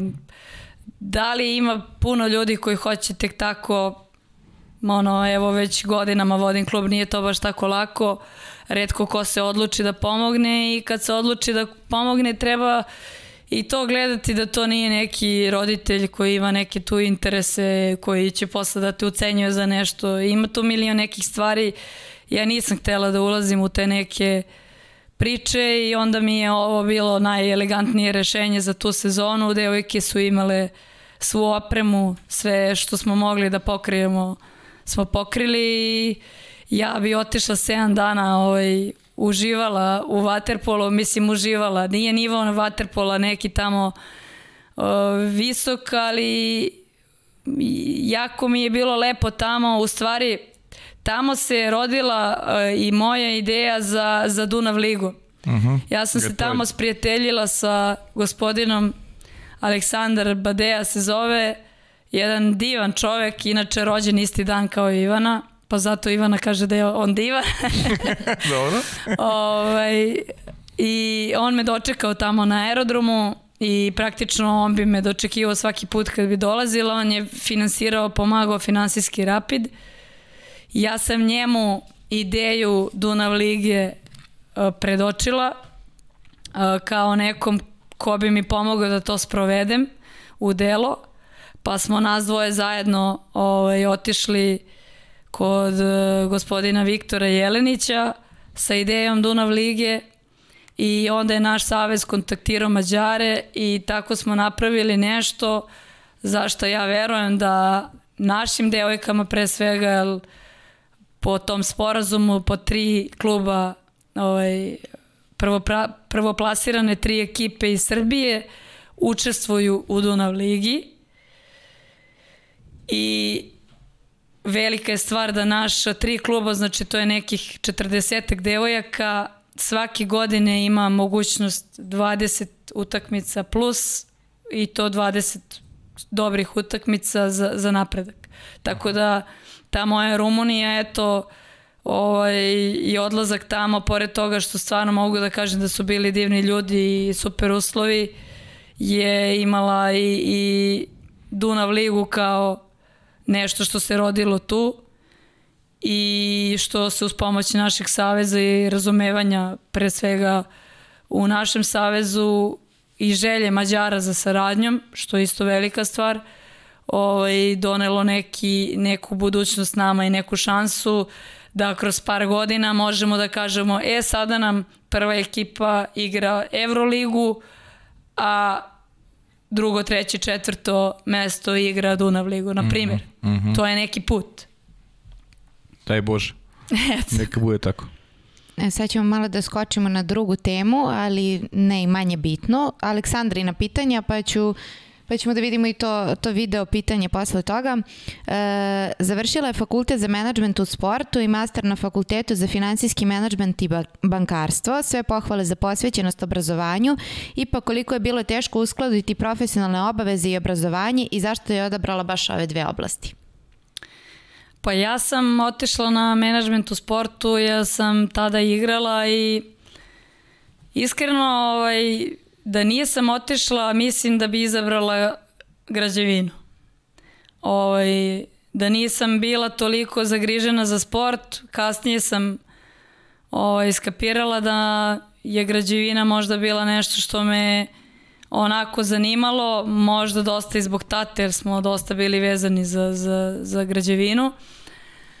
Međutim, na žalost mog oca, ja sam izabrala sport. Ovaj, I negde sam tokom igranja ovaj, pomislila, bože, ono, neću moći od ovoga da živim, daj da, ono, da uzmem neku specijalizaciju za nešto što će možda da mi donese, da me približi makar toj građevini u nekom segmentu. I zato sam izabrala ovaj, financije, jer financija generalno ima u svim oblastima poslednjih par godina mog igranja sam radila. Uh, radila sam za Insu u Zemonu, radila sam za javno komunalno u Kikindi, ra radila sam u banci Jubmes ovaj, i radila sam i u porodičnoj firmi našoj.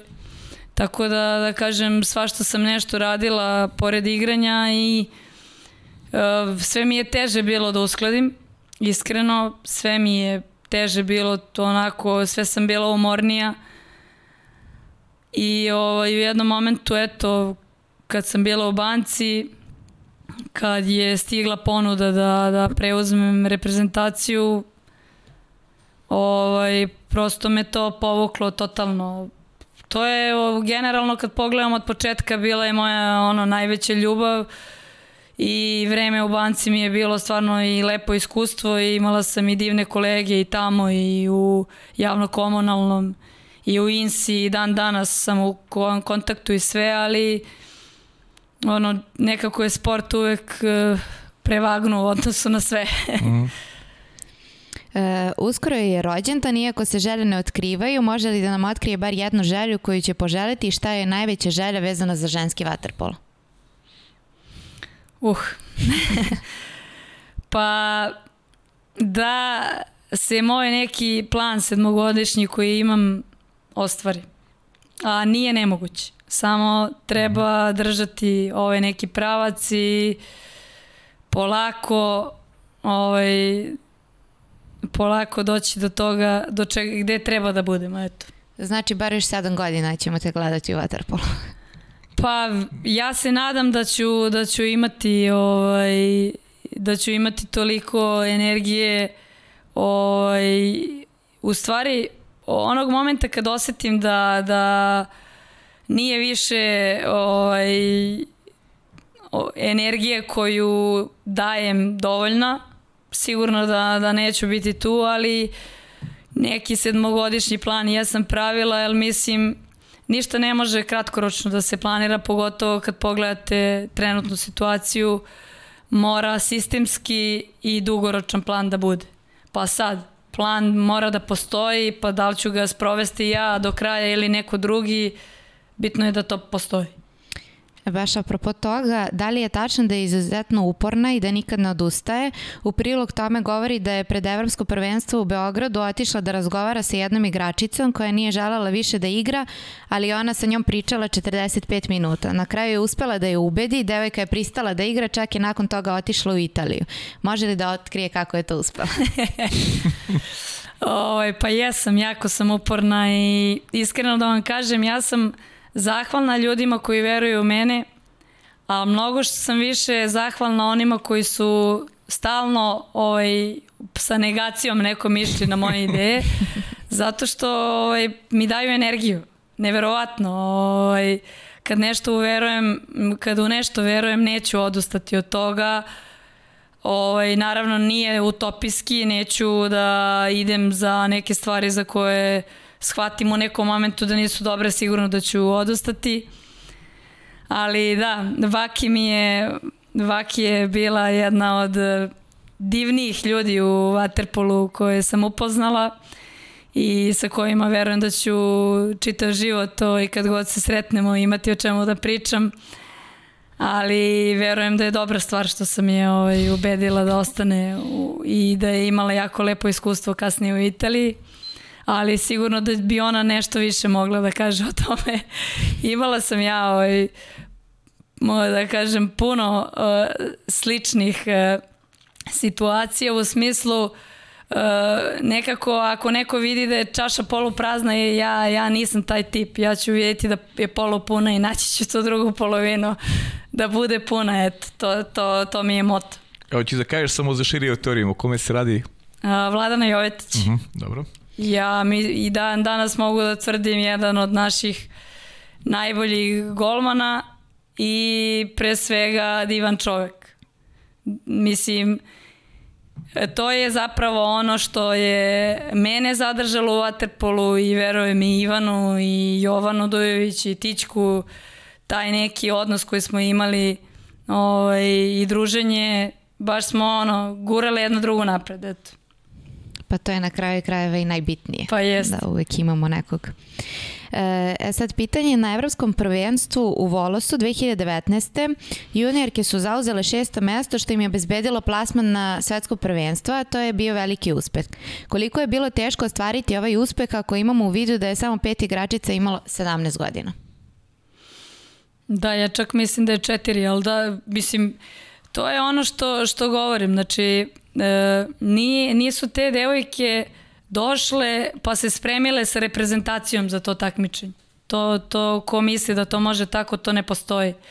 Te devojke su, njih devet je bilo u tom momentu iz pogona Zvezde, ovaj, sa Zvezdom igrale u kontinuitetu, znam pošto sam tu Zvezdu od 2017. zajedno sa Ivanom preuzela, u kontinuitetu igrale Patras, u Patrasu, pa Patras dolazi kod nas, pa Dunaj Varoš dolazi kod nas, pa mi idemo u Dunaj Varoš, pa pravimo turnir na koji dolazi, ne znam, 4-5 ekipa, pa je bila jednom i selekcija Uzbekistana, pa je bio ovaj, pa je bio onaj, pa bio Olimpijakos na tom turniru u Srbiji. Znači, te devojke su godinama imale te uslove da bi se okupile to leto i zauzele šesto mesto. Zamislite da sa svim generacijama i u svim klubovima imamo mogućnost e, da stalno imamo tih jakih utakmica i onda to neko takmičenje. I onda pripreme za, za veliko takmičenje i veliko takmičenje. E, to je ono čemu treba da, što treba da bude cilj praktično. Eto, s obzirom da si trener Crvene zvezde i juniorske i, i seniorske selekcije, koliko ti je teško da se uskladiš sa svim obavezama, da, da ispratiš sve turnira na koje se ide? Pa jeste, mislim da ima dosta odri, odricanja u smislu porodicu moju ovaj, i meni ono drage ljude redko viđam, ali e, nekako e, nisam sama u tome i imam, imam tim ljudi sa kojima radim. Mi u Zvezdi trenutno imamo od pet trenera, do ove sezone smo imali šest, pa nas je Kostas Stratakis napustio, otišao za Izrael. Ovaj, znači, imam, nisam sama. Nekako uspostavili smo neki sistem i sistem funkcioniš. Uh, pre svega treba da budem zahvalna na, na svemu što radimo i ljudima koji su sa mnom koji rade. Jel to je, znači, ni, nisam to ja, niti to samo Ivana, nego je to čitav tim ljudi koji radi sa nama. I e, Kostas kad je bio i e, Miroslav Tomović i Ivan Filipić i Saška Dunđerski, znači to je veliki broj trenera koji je tu i koji radi i funkcioniše i kroz klub i u reprezentaciji opet imamo uh, Vladu Markovića, Marka Jankovića, uh, isto Tomke, Ivan, Ivana, uh, imamo uh, Andora Šulca iz Vojvodine, tako i, znači, čitav neki tim ljudi koji je tu na okupu zajedno sa nekim ciljem istim i radimo polako i ja verujem da kroz neki period možemo negde da stignemo. Ali ono što je najbitnije je definitivno da se klubovi fokusiraju na rad, pogotovo sa mlađim kategorijama, jer mi imamo re, recimo situaciju ove sezone da imamo 10 seniorskih klubova prijavljenih na 170 devojaka koje postoje za seniorsko takmičenje, a za mlađe kategorije jedva 3 do 4 ekipe. Znači to je sistem koji može da se uruši. Ono što treba da bude fokus klubova su svakako mlađe devojčice i te mlađe kategorije da bi onda iz našeg nekog potencijala vukli ovaj, seniorke, a ne obratno. Mm -hmm. Eto. E, Aleksandrino pitanje isto. E, dokle se stiglo sa organizacijom dečije kampa za vodene sportove? Ideja je bila da se omasovi ženski vaterpolo, pa koliko se u tome uspalo i da li će taj e, kamp biti tradicionalan? Pa znate kako, ja sam taj kamp pre par godina uradila praktično jednu godinu ovaj, smo, da kažem, Andrije i ja uh, bili promoteri tog kampa i to je bilo mnogo lepo ovaj, dešavanje u Kikindi. Sledeće godine je Nikola Rađen preuzeo taj kamp praktično ovaj, i bio je u Vrnje, banji. Te prve godine sam ja još bila tu. Sledeće više nisam, ne zato što ne želim i zato što ne mislim da je dobra ideja. E, generalno kamp vodenih sportova je imao za cilj da približi vodene sportove deci. Znači nisu primarno ovaj, plivači morali da dođu. E, dolazili su i poloplivači, mi smo imali trenera za obuku plivanja, trenera za sinhrono plivanje, pa i trenera za plivanje i za vaterpolo. I ovaj, naravno da je krajnji cilj naš bio kao ovaj, neko ko je iz vaterpola da što više dece se oprobaju u tom vaterpolu u tokom kampa i u tome smo uspevali. Međutim, ja posle te druge sezone više, više nisam imala kada da se posvetim tome. Praktično meni je po celo leto ovaj, sa reprezentacijom prolazilo tako i ovo isto. Ali verujem da bi u nekom momentu sa tako nečim nastavila, jer mislim da je, da je dobra priča i da treba naći način i model da se privuku ovaj, deca na vodene sportove. E, ono što me interesuje, da li tokom e, igračke karijere, pa sada i, i trenerske, je ikada došlo do nekog pucanja da si pomislila da želiš da odustaneš e, od svega toga i interesuje me možda najupečetljiviji turnir pa po bilo čemu koji ti pamtiš i ostaće ti negde urezano sećanje. Da, nismo se dotakli inče 2016. evropsko prvenstvo na kome si takođe igrala u Beogradu. Pričala si o 2012. u 2016. To smo malo preskočili. Da, oj, pa... Uh, na koje pitanje prvo da Koje god hoćeš, koje god hoćeš. Oj, pa generalno ja mislim da je za mene uh, najteža godina u Waterpolu uopšte bila ova 2020.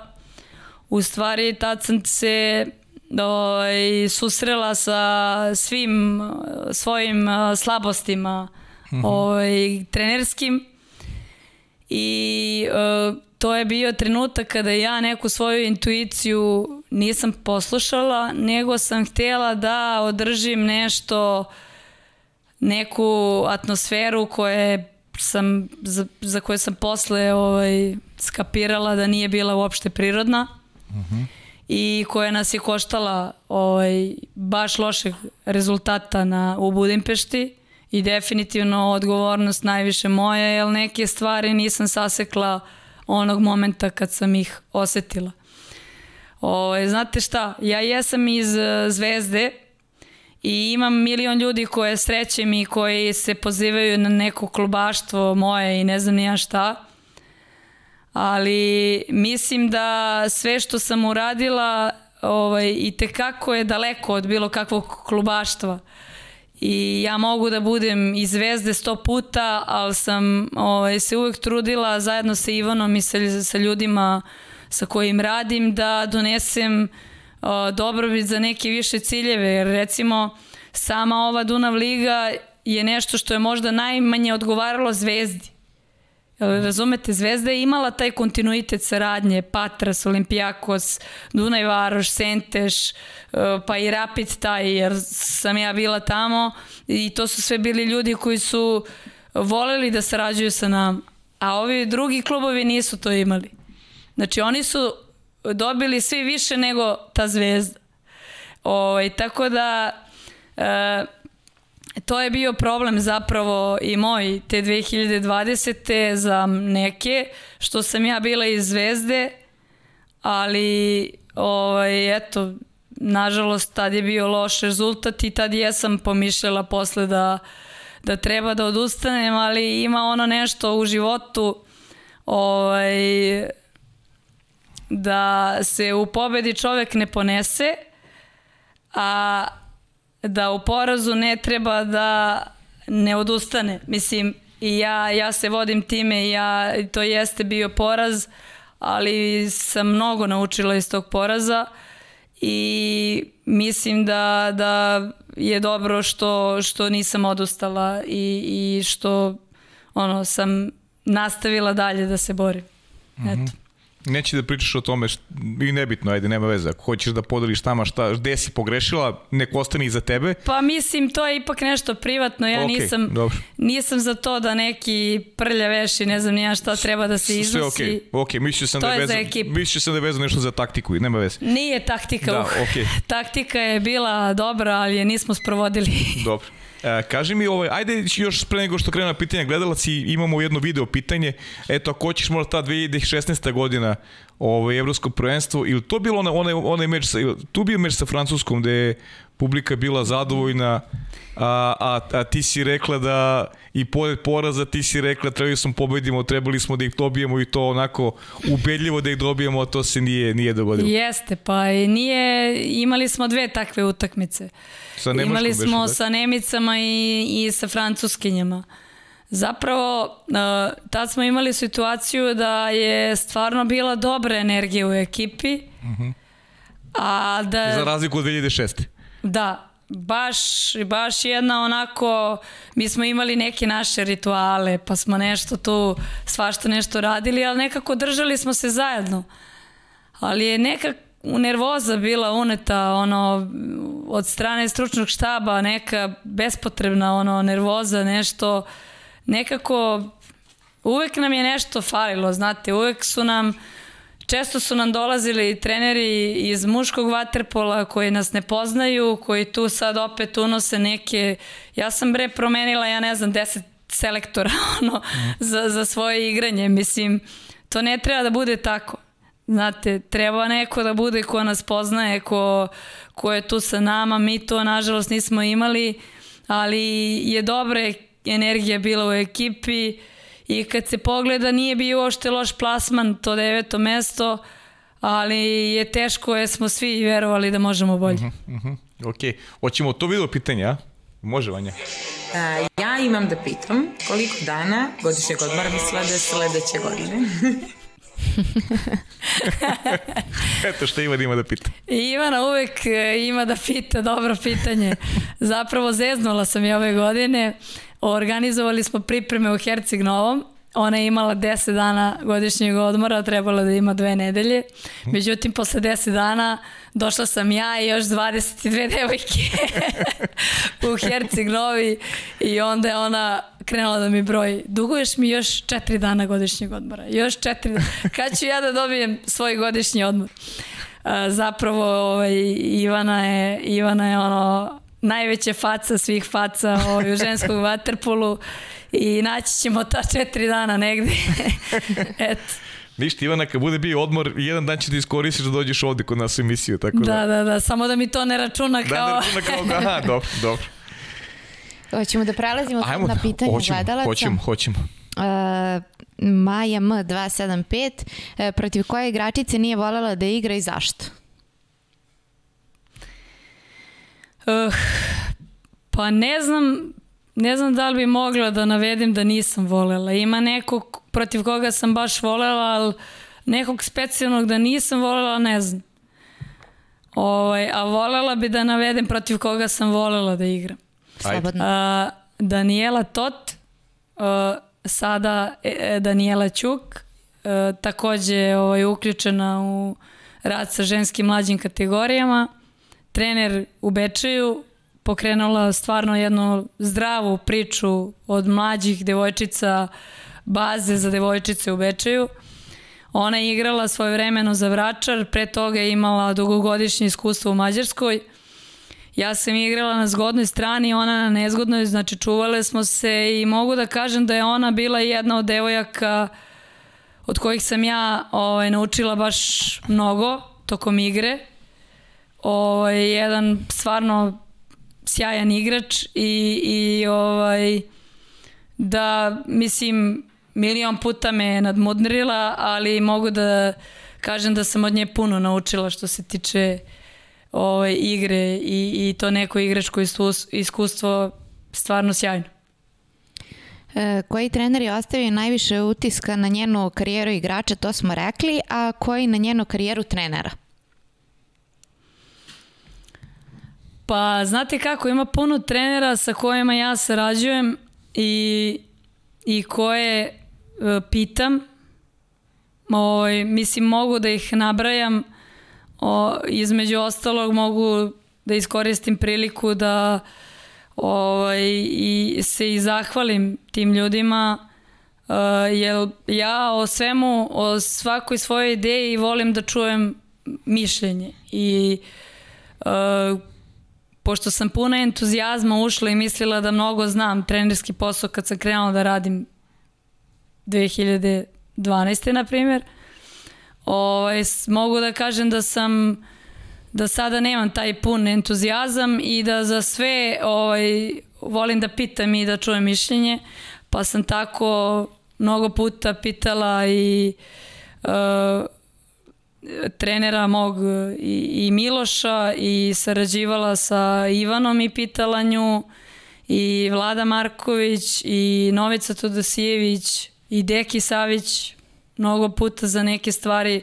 i stvarno mu hvala i, i na vremenu i, i na, na pomoći mnogo puta, čak je i dolazio ovaj, sa devojkama neke stvari da, da radi, na neko moje pitanje vezano za neke vežbe beka. Ovaj, tako da eh, Zoki Kontić, ali Zoki Kontić je više bio taj neko ko je mene ovaj, uputio šta ću da radim posle mnogo godina. Znao je pre mene. E, mišljenje o studijama i igranju u Waterpolu u Sjedinim američkim državama zlatna prilika za devojke ili suša za reprezentaciju? Iskreno suša za reprezentaciju. Iskreno e, treba da se nađe način, pošto to nije samo Waterpolo, ovaj, to su svi sportovi, treba da se nađe način i model da se naše školstvo uh, uh, postavi tako da neko ko igra vaterpolo ili neki drugi sport na vrhunskom nivou može da ima neke beneficije od toga. Eto, to treba da se uradi ovde i to je, to je ono, gori pod nogama za to. Uh, zašto? Evo, ja ću vam reći da kapiten Zvezde i kapiten juniorske reprezentacije je devojka koja je bila prva na listi za građanski fakultet, Hristina Ilić, i koja je ispite dala do uh, tamo u junskom roku sve za prvu godinu i ostatak leta posvetila vaterpolu. Pored nje Andreja Gašić takođe upisala građevinu. Pored nje, evo, Tićka uh, Tijana Jakovljević završila PMF Uh, Katarina Čegar ETF završava ili je možda sad već završila. Uh, znate kako, toliko su se neke od njih namučile, mislim i Pantović da je na fonu ili znači toliko su se neke od njih namučile ovaj, za, za dan o, za dan nekih priprema za ovo, za ono da postignu da ja to stvarno ne mogu da razumem. Mi smo imali situaciju pred Evropsko prvenstvo u Budimpešti da ja ne mogu cele jedne pripreme da računam na Anđelu Petrović koja je bila praktično golman u sastavu za Barcelonu pre toga zato što je ne pušta uh, profesor sa ekonomije na mislim neće da izađe u susret. Tako da gori pod nogama da se, da se nešto promeni u našem sistemu i da neko ko je uspešan u sportu može da ima nekakvu beneficiju od toga, a ne da ovaj, ostane bez škole. Hmm. Ozbiljna e, tema, ovo je ozbiljna tema, da. Da. E, najdraže pripreme iz perioda igranja i iz trenerskog perioda? Jo, pa meni su svake pripreme iz perioda igranja bile super, Možda najmanje drage te za 2600. De, da, definitivno najmanje drage te za 2600. Ovaj, a za, za, o, za iz trenerskog perioda pa mogu da kažem i ove sada ovaj, sa devojkama da su mi drage i mogu da kažem zapravo ovaj, cela sezona sa Zvezdom ova poslednja i sada ove pripreme potpuno neka divna energija kod devojaka, neki timski duh, neki stvarno sjajan osjećaj da vidite da je svakoj od njih koliko god da im je teško opet lepo pre svega, eto. Tako da, da, sada ovo, definitivno. E, koga vidi kao naslednicu u bazenu? U, pa ima ih mnogo. ne bi, ne bi ni jednu devojku izdvajala, stvarno. A, mogu da kažem, mogu da kažem da su neke stvarno i prevazišle neka očekivanja koje smo imali Ivana i ja i da mi je mnogo drago zbog toga i da bi volela da nastave sa radom uh, baš, baš bi bilo značajno za njih da, da nastave sa tim radom, jer ja mogu da kažem da ću se ja i tim sa kojim radim boriti da imaju sve više i sve bolje uslove, koliko god je to moguće i da prosto treba da uživaju u tome što rade. E, koliko se razlikuje posao selektora od posla trenera u klubu? Da li uspeva da uskladi sve? Uh. Pa, naravno da je daleko veća odgovornost posao selektora od, mislim, ne mogu da razmišljam samo o jednom segmentu, nego o svim generacijama, svim kategorijama budućnosti. E, najviše te i, i negde potkače raznorazni na najviše komentare imaju, da kažem, nije onako u nekim stvarima lepo. Čula sam čak i da sam ovaj, tetkica u klubu i ne znam nija šta sve raznih komentara je bilo samo zbog toga što sam na toj poziciji na kojoj jesam. Ali ja, ja mogu da kažem e, u klubu Ivana i ja sve radimo. Mislim, do pripreme pri, treninga, svega, do organizacije pred utakmicu, šta god treba da se uradi. Nijedan posao mi nije težak, zato što znam zašta radim i za koga radim. I o, imali smo eto, i situaciju da smo možda i mogli da o, i angažujemo nekog trećeg da obavlja te neke poslove za nas, a da smo izabrali da dodelimo jednu stipendiju više za ovaj, devojke i mislim da bi takve, takvu stvar ponovo uradila jer je meni cilj da one imaju sve ono što mi možda nismo mogli da, da imamo. E, koliko je teško raditi sa mlađim selekcijama i jednostavno u takvom smo periodu kada su telefoni stalno u rukama i, i mlađih, ali i starijih ovaj, i seniorki, pa sad koliko se razlikuje u odnosu na period kada ste e, vi počinjali, e, vaša generacija, e, da li roditelji vrše uticaj i, i pritisak možda na trenere, kakva je situacija što se tiče te druge strane?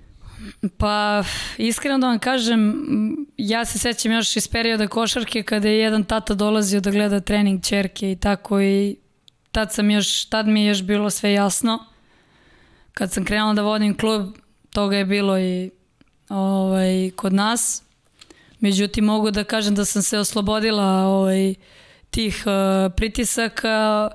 Negde sam ih prepoznala ranije, negde kasnije ali ti roditelji su najveća šteta za svoje rođeno dete zato što ovaj, nekako sam zahvalna mojim roditeljima što mi se nisu petljali toliko i što su mi davali prostor i bili podrška u nekim stvarima. Jel to prosto tako treba da bude, da, da se vrši pritisak na trenera, tipa ne znam, moje dete treba da bude kapiten, moje dete ovo, a ovo dete ili dolaze čak pa pričaju o nekom drugom detetu, to je strašno. Mislim, to je ono, eto, ne znam šta da kažem. Mislim da su najveći neprijatelji, takvi roditelji, najveći neprijatelji svom detetu i sigurna sam da sutra kad budem imala svoje dete neću biti takva, znači hiljadu posto, ono, znam šta ne treba da radim. ovaj, bukvalno, eto. A što se tiče telefona, jeste veliki problem sada, zato što je postao tolika ono obsesija da sam ja čak i kod nekih seniorki imala situaciju pred sam početak evropskog, mi izlazimo sa treninga iz Duna arene uh, i ja vidim njih tri se vraća nazad sa telefonima i kao, gde ćete, šta, šta radite? Uh, idemo da se slikamo. Ja u šoku, buk, bukvalno iskreno, tad su mi se, ono, sve mi se srušilo, zato što sam se ja isvađala sa svima živima i u Savezu i vamo i tamo da bi imali pripreme u Grčkoj, pripreme u Mađarskoj, da bi imali ove utakmice, one utakmice i skapiram da neke devojke ono nisu na takmičenju, nego su došle da se slikaju. I to je bilo ono prvo što sam sa klinkama, kad sam se posle okupila, bilo u fazonu ono, devojke, sve može, samo telefone ono što manje koristite kad krene takmičenje ako možete da ih ne, ne gledate bilo bi sjajno samo fokus utakmice.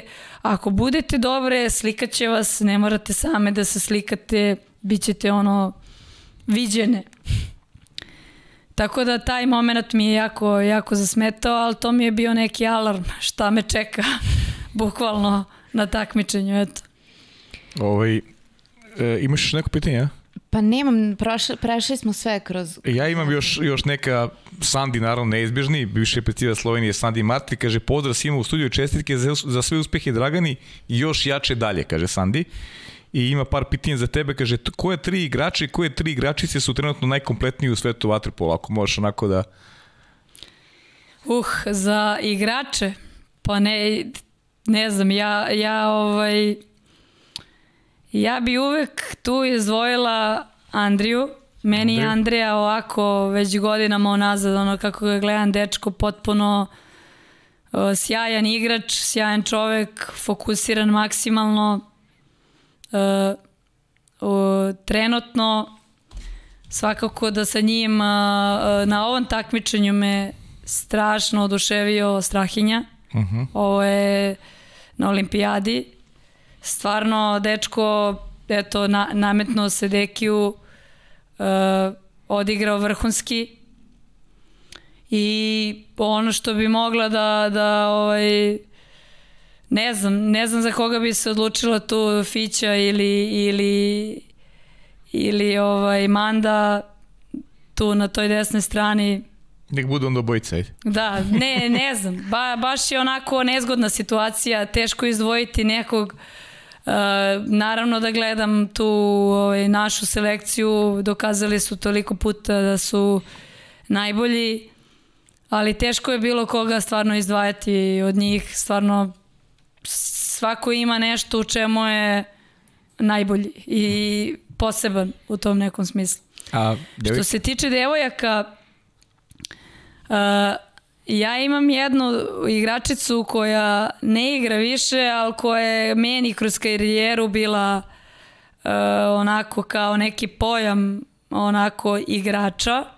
Pogotovo kad sam stala pored nje i kad sam videla da mi je do ovde negde ovako ovaj, visine i potpuno me odeš, oduševila, a to je ovaj, Tanja Di Mario. Nju sam dosta i gledala. Ona je igrala desnu stranu u tom nekom periodu kad sam ja igrala, ali je definitivno devojka bila ono mozak ekipe i uh, proigravala i rešavala i svašta nešto, tako da ja bi pre mogla taj neki period da, da, da izdvojim nego ovo sada Sada ih ima dosta, mislim, imamo centra Španije, Majka Garcia koja je ono vrhunski centar. Uh, imamo Grkinje, Grkinje Elefterija, Elefterija, ja sam Elefteriju upoznala kad smo bili u Iraklisu, na, ona je igrala tada za Iraklis, na primjer 2008. godine, tako neka ovaj, kada je bila klinka, ono je imala 12-13 godina i gledam kako igra danas, ono vrhunski stvarno. Tako da eto, možda bi to bio neki moj izbor. Uh -huh. e, pita Sandi, kaže, koliko vaterpolskinje jedu posle utakmica, treninga i utakmice i kaže kako se opuštaju? E, famozna priča o klopi kada govorimo Pa- sa, sa, sa momcima. Što se tiče jedenja, jedemo mnogo. Ja sam morala da se pomučim ovaj, posle, posle prestanka da malo se saberem sa količinama hrane, pošto je to definitivno problem. Ovaj, ne samo vaterpoliskenja, mislim svih sportista, ali i činjenica je da te voda više onako iscedi nego ostali sportovi.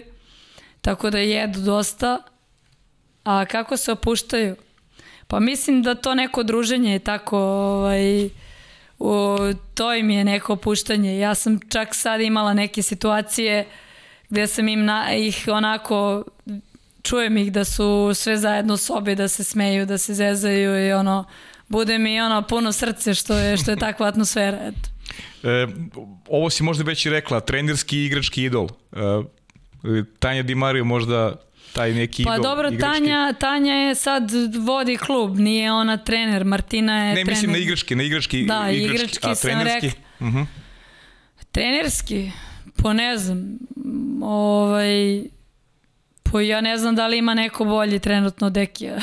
znači, čovek je ono objasnio ovaj, u svakom smislu te reči. Pa mislim, ovo mogu da kažem njega, mada, mislim, eto, neki pozitivan primer eh, kako, kako se neke stvari rade i da nije sve u tom samom trenažnom procesu koliko je u toj nekoj motivaciji i energiji pa realno je čovjek pokazao to. Pita Sandi još jedno interesantno pitanje. Kaže, šta je e, najgore što je uradila protivnici u bazenu i obrnuto? Pa Imaš neki doživljaj koji ti onako... I imam jedan iz Holandije, ovaj, igrali smo, mislim da je Don Gauda bila, to je nešto najgore što sam osetila, a što sam kasnije iskoristila. Ovaj, oslonila sam ruku na jednu igračicu koja je igrala Keca, desnoruka, ne mogu sad da se setim kako se zove, ja možda se setim do, do kraja emisije. I ona je pored e, vaterpola trenirala i karate i samo mi je spakovala ruku, bolela me, ja mislim, 7 dana posle. Nešto mi je uradila sa njom. Ja sam samo na trenutak kako sam spustila ruku, kao tu je okrenula glavu i moje ruke više nije bilo, bila je ono, ali sam posle mnogo razmišljala o tome šta mi je uradila i to sam ponovila mnogo puta, tako da ovaj, sam nešto naučila. Naučila si lekciju. Ima jedno anonimno pitanje, kaže, kada će ženski vaterpolo medijim imati tretman bolji nego što ima sada? Pa borimo se sa tim. Mm, Evo i vi mi danas pomažete da se borimo sa tim. To je nešto što, što treba da bude neki cilj. Naravno da bi to trebao da bude u neku meru i zadatak i saveza da, da promoviše i nadam se da će iskoristiti ove kvalifikacije sad što imamo da, da se to uradi na neki najbolji mogući način. Mislim da imamo stvarno divne devojke koje imaju mnogo toga da kažu, ne samo o vaterpolu i van vaterpola i da su uspešni u školama i svašta nešto. Tako da e, imamo šta da, čime da se ponosimo i ponosit ćemo se kroz neku godinu, dao Bog, i rezultatima. Tako da možemo da krenemo odmah da, da ih promovišemo. Može. Kaži mi, ovaj, Dragana, da ono što, što ostaje neko za kraj, uvek porodica, rekla si imaš i dve sestre, roditelje, da malo, da malo to... Ovaj, Imam, imam ovako, imam dve starije sestre, imam mlađeg brata i imam polusestru. Ovaj, tata naravno uvek je bio tu uz mene, ali bi voleo da da radim nešto drugo, to sigurno. ovaj, to nekada javno prizna, a nekad kao se hvali ovaj, da, da nije baš tako, ali mama koja je, da kažem, i, i najveći krivac, tako reći, što sam ja na vaterpolu, uh, deda Milan, mamin tata, ovaj, je isto nekada kao nekada davno ovaj, igrao naravno rekreativno to, to je u to vreme u Splitu ono bilo totalno rekreativno ali ovaj, da kažem imam, imam u porodici tata je bio u košarci i imala sam tu neku podršku, sestre, sestre su me tukle od malena, pa sam morala da se borim, pošto sam treći dete. Šalim se. O, ovaj, nisu, o, nisu me tukle, tukle smo se, o, ovaj, male razlike u godinama, ovaj, ali ja sam bila kao treći dete neko ko mora da se bori za, za to neko svoje mesto pod suncem. Tako da me definitivno i to naučilo da, da se borim. ja, kaži mi ovaj, šta, šta, šta radiš kad, kad nisi u waterpolu? Kako provodiš vreme? Ili gledaš neke, neke druge sportove? Tu pronalaziš neku... Uh, da li pronalaziš neki način da, da, da neke implementiraš možda iz nekih drugih sportova? Da li pratiš da, kako te... ne. Da, i... Mogu da kažem, evo ovom prilikom odrasla sam uz Ivana Todorova, koji je uh mhm. -huh. vice šampion sveta u judu. Kao klinka sam jedno vreme i trenirala judo dok nisam polomila prste. Ja sam htjela neki salto da napravim na drugom treningu, što nije baš bilo ovaj, sjajno. I, ovaj, I jedno vreme sam devojke i vodila čak na judo iz kluba iz Zvezde i mislim da svašta nešto može da se iskoristi iz tih borilačkih veština da se implementira u vaterpolo. Pored toga imam puno prijatelja sa košarke.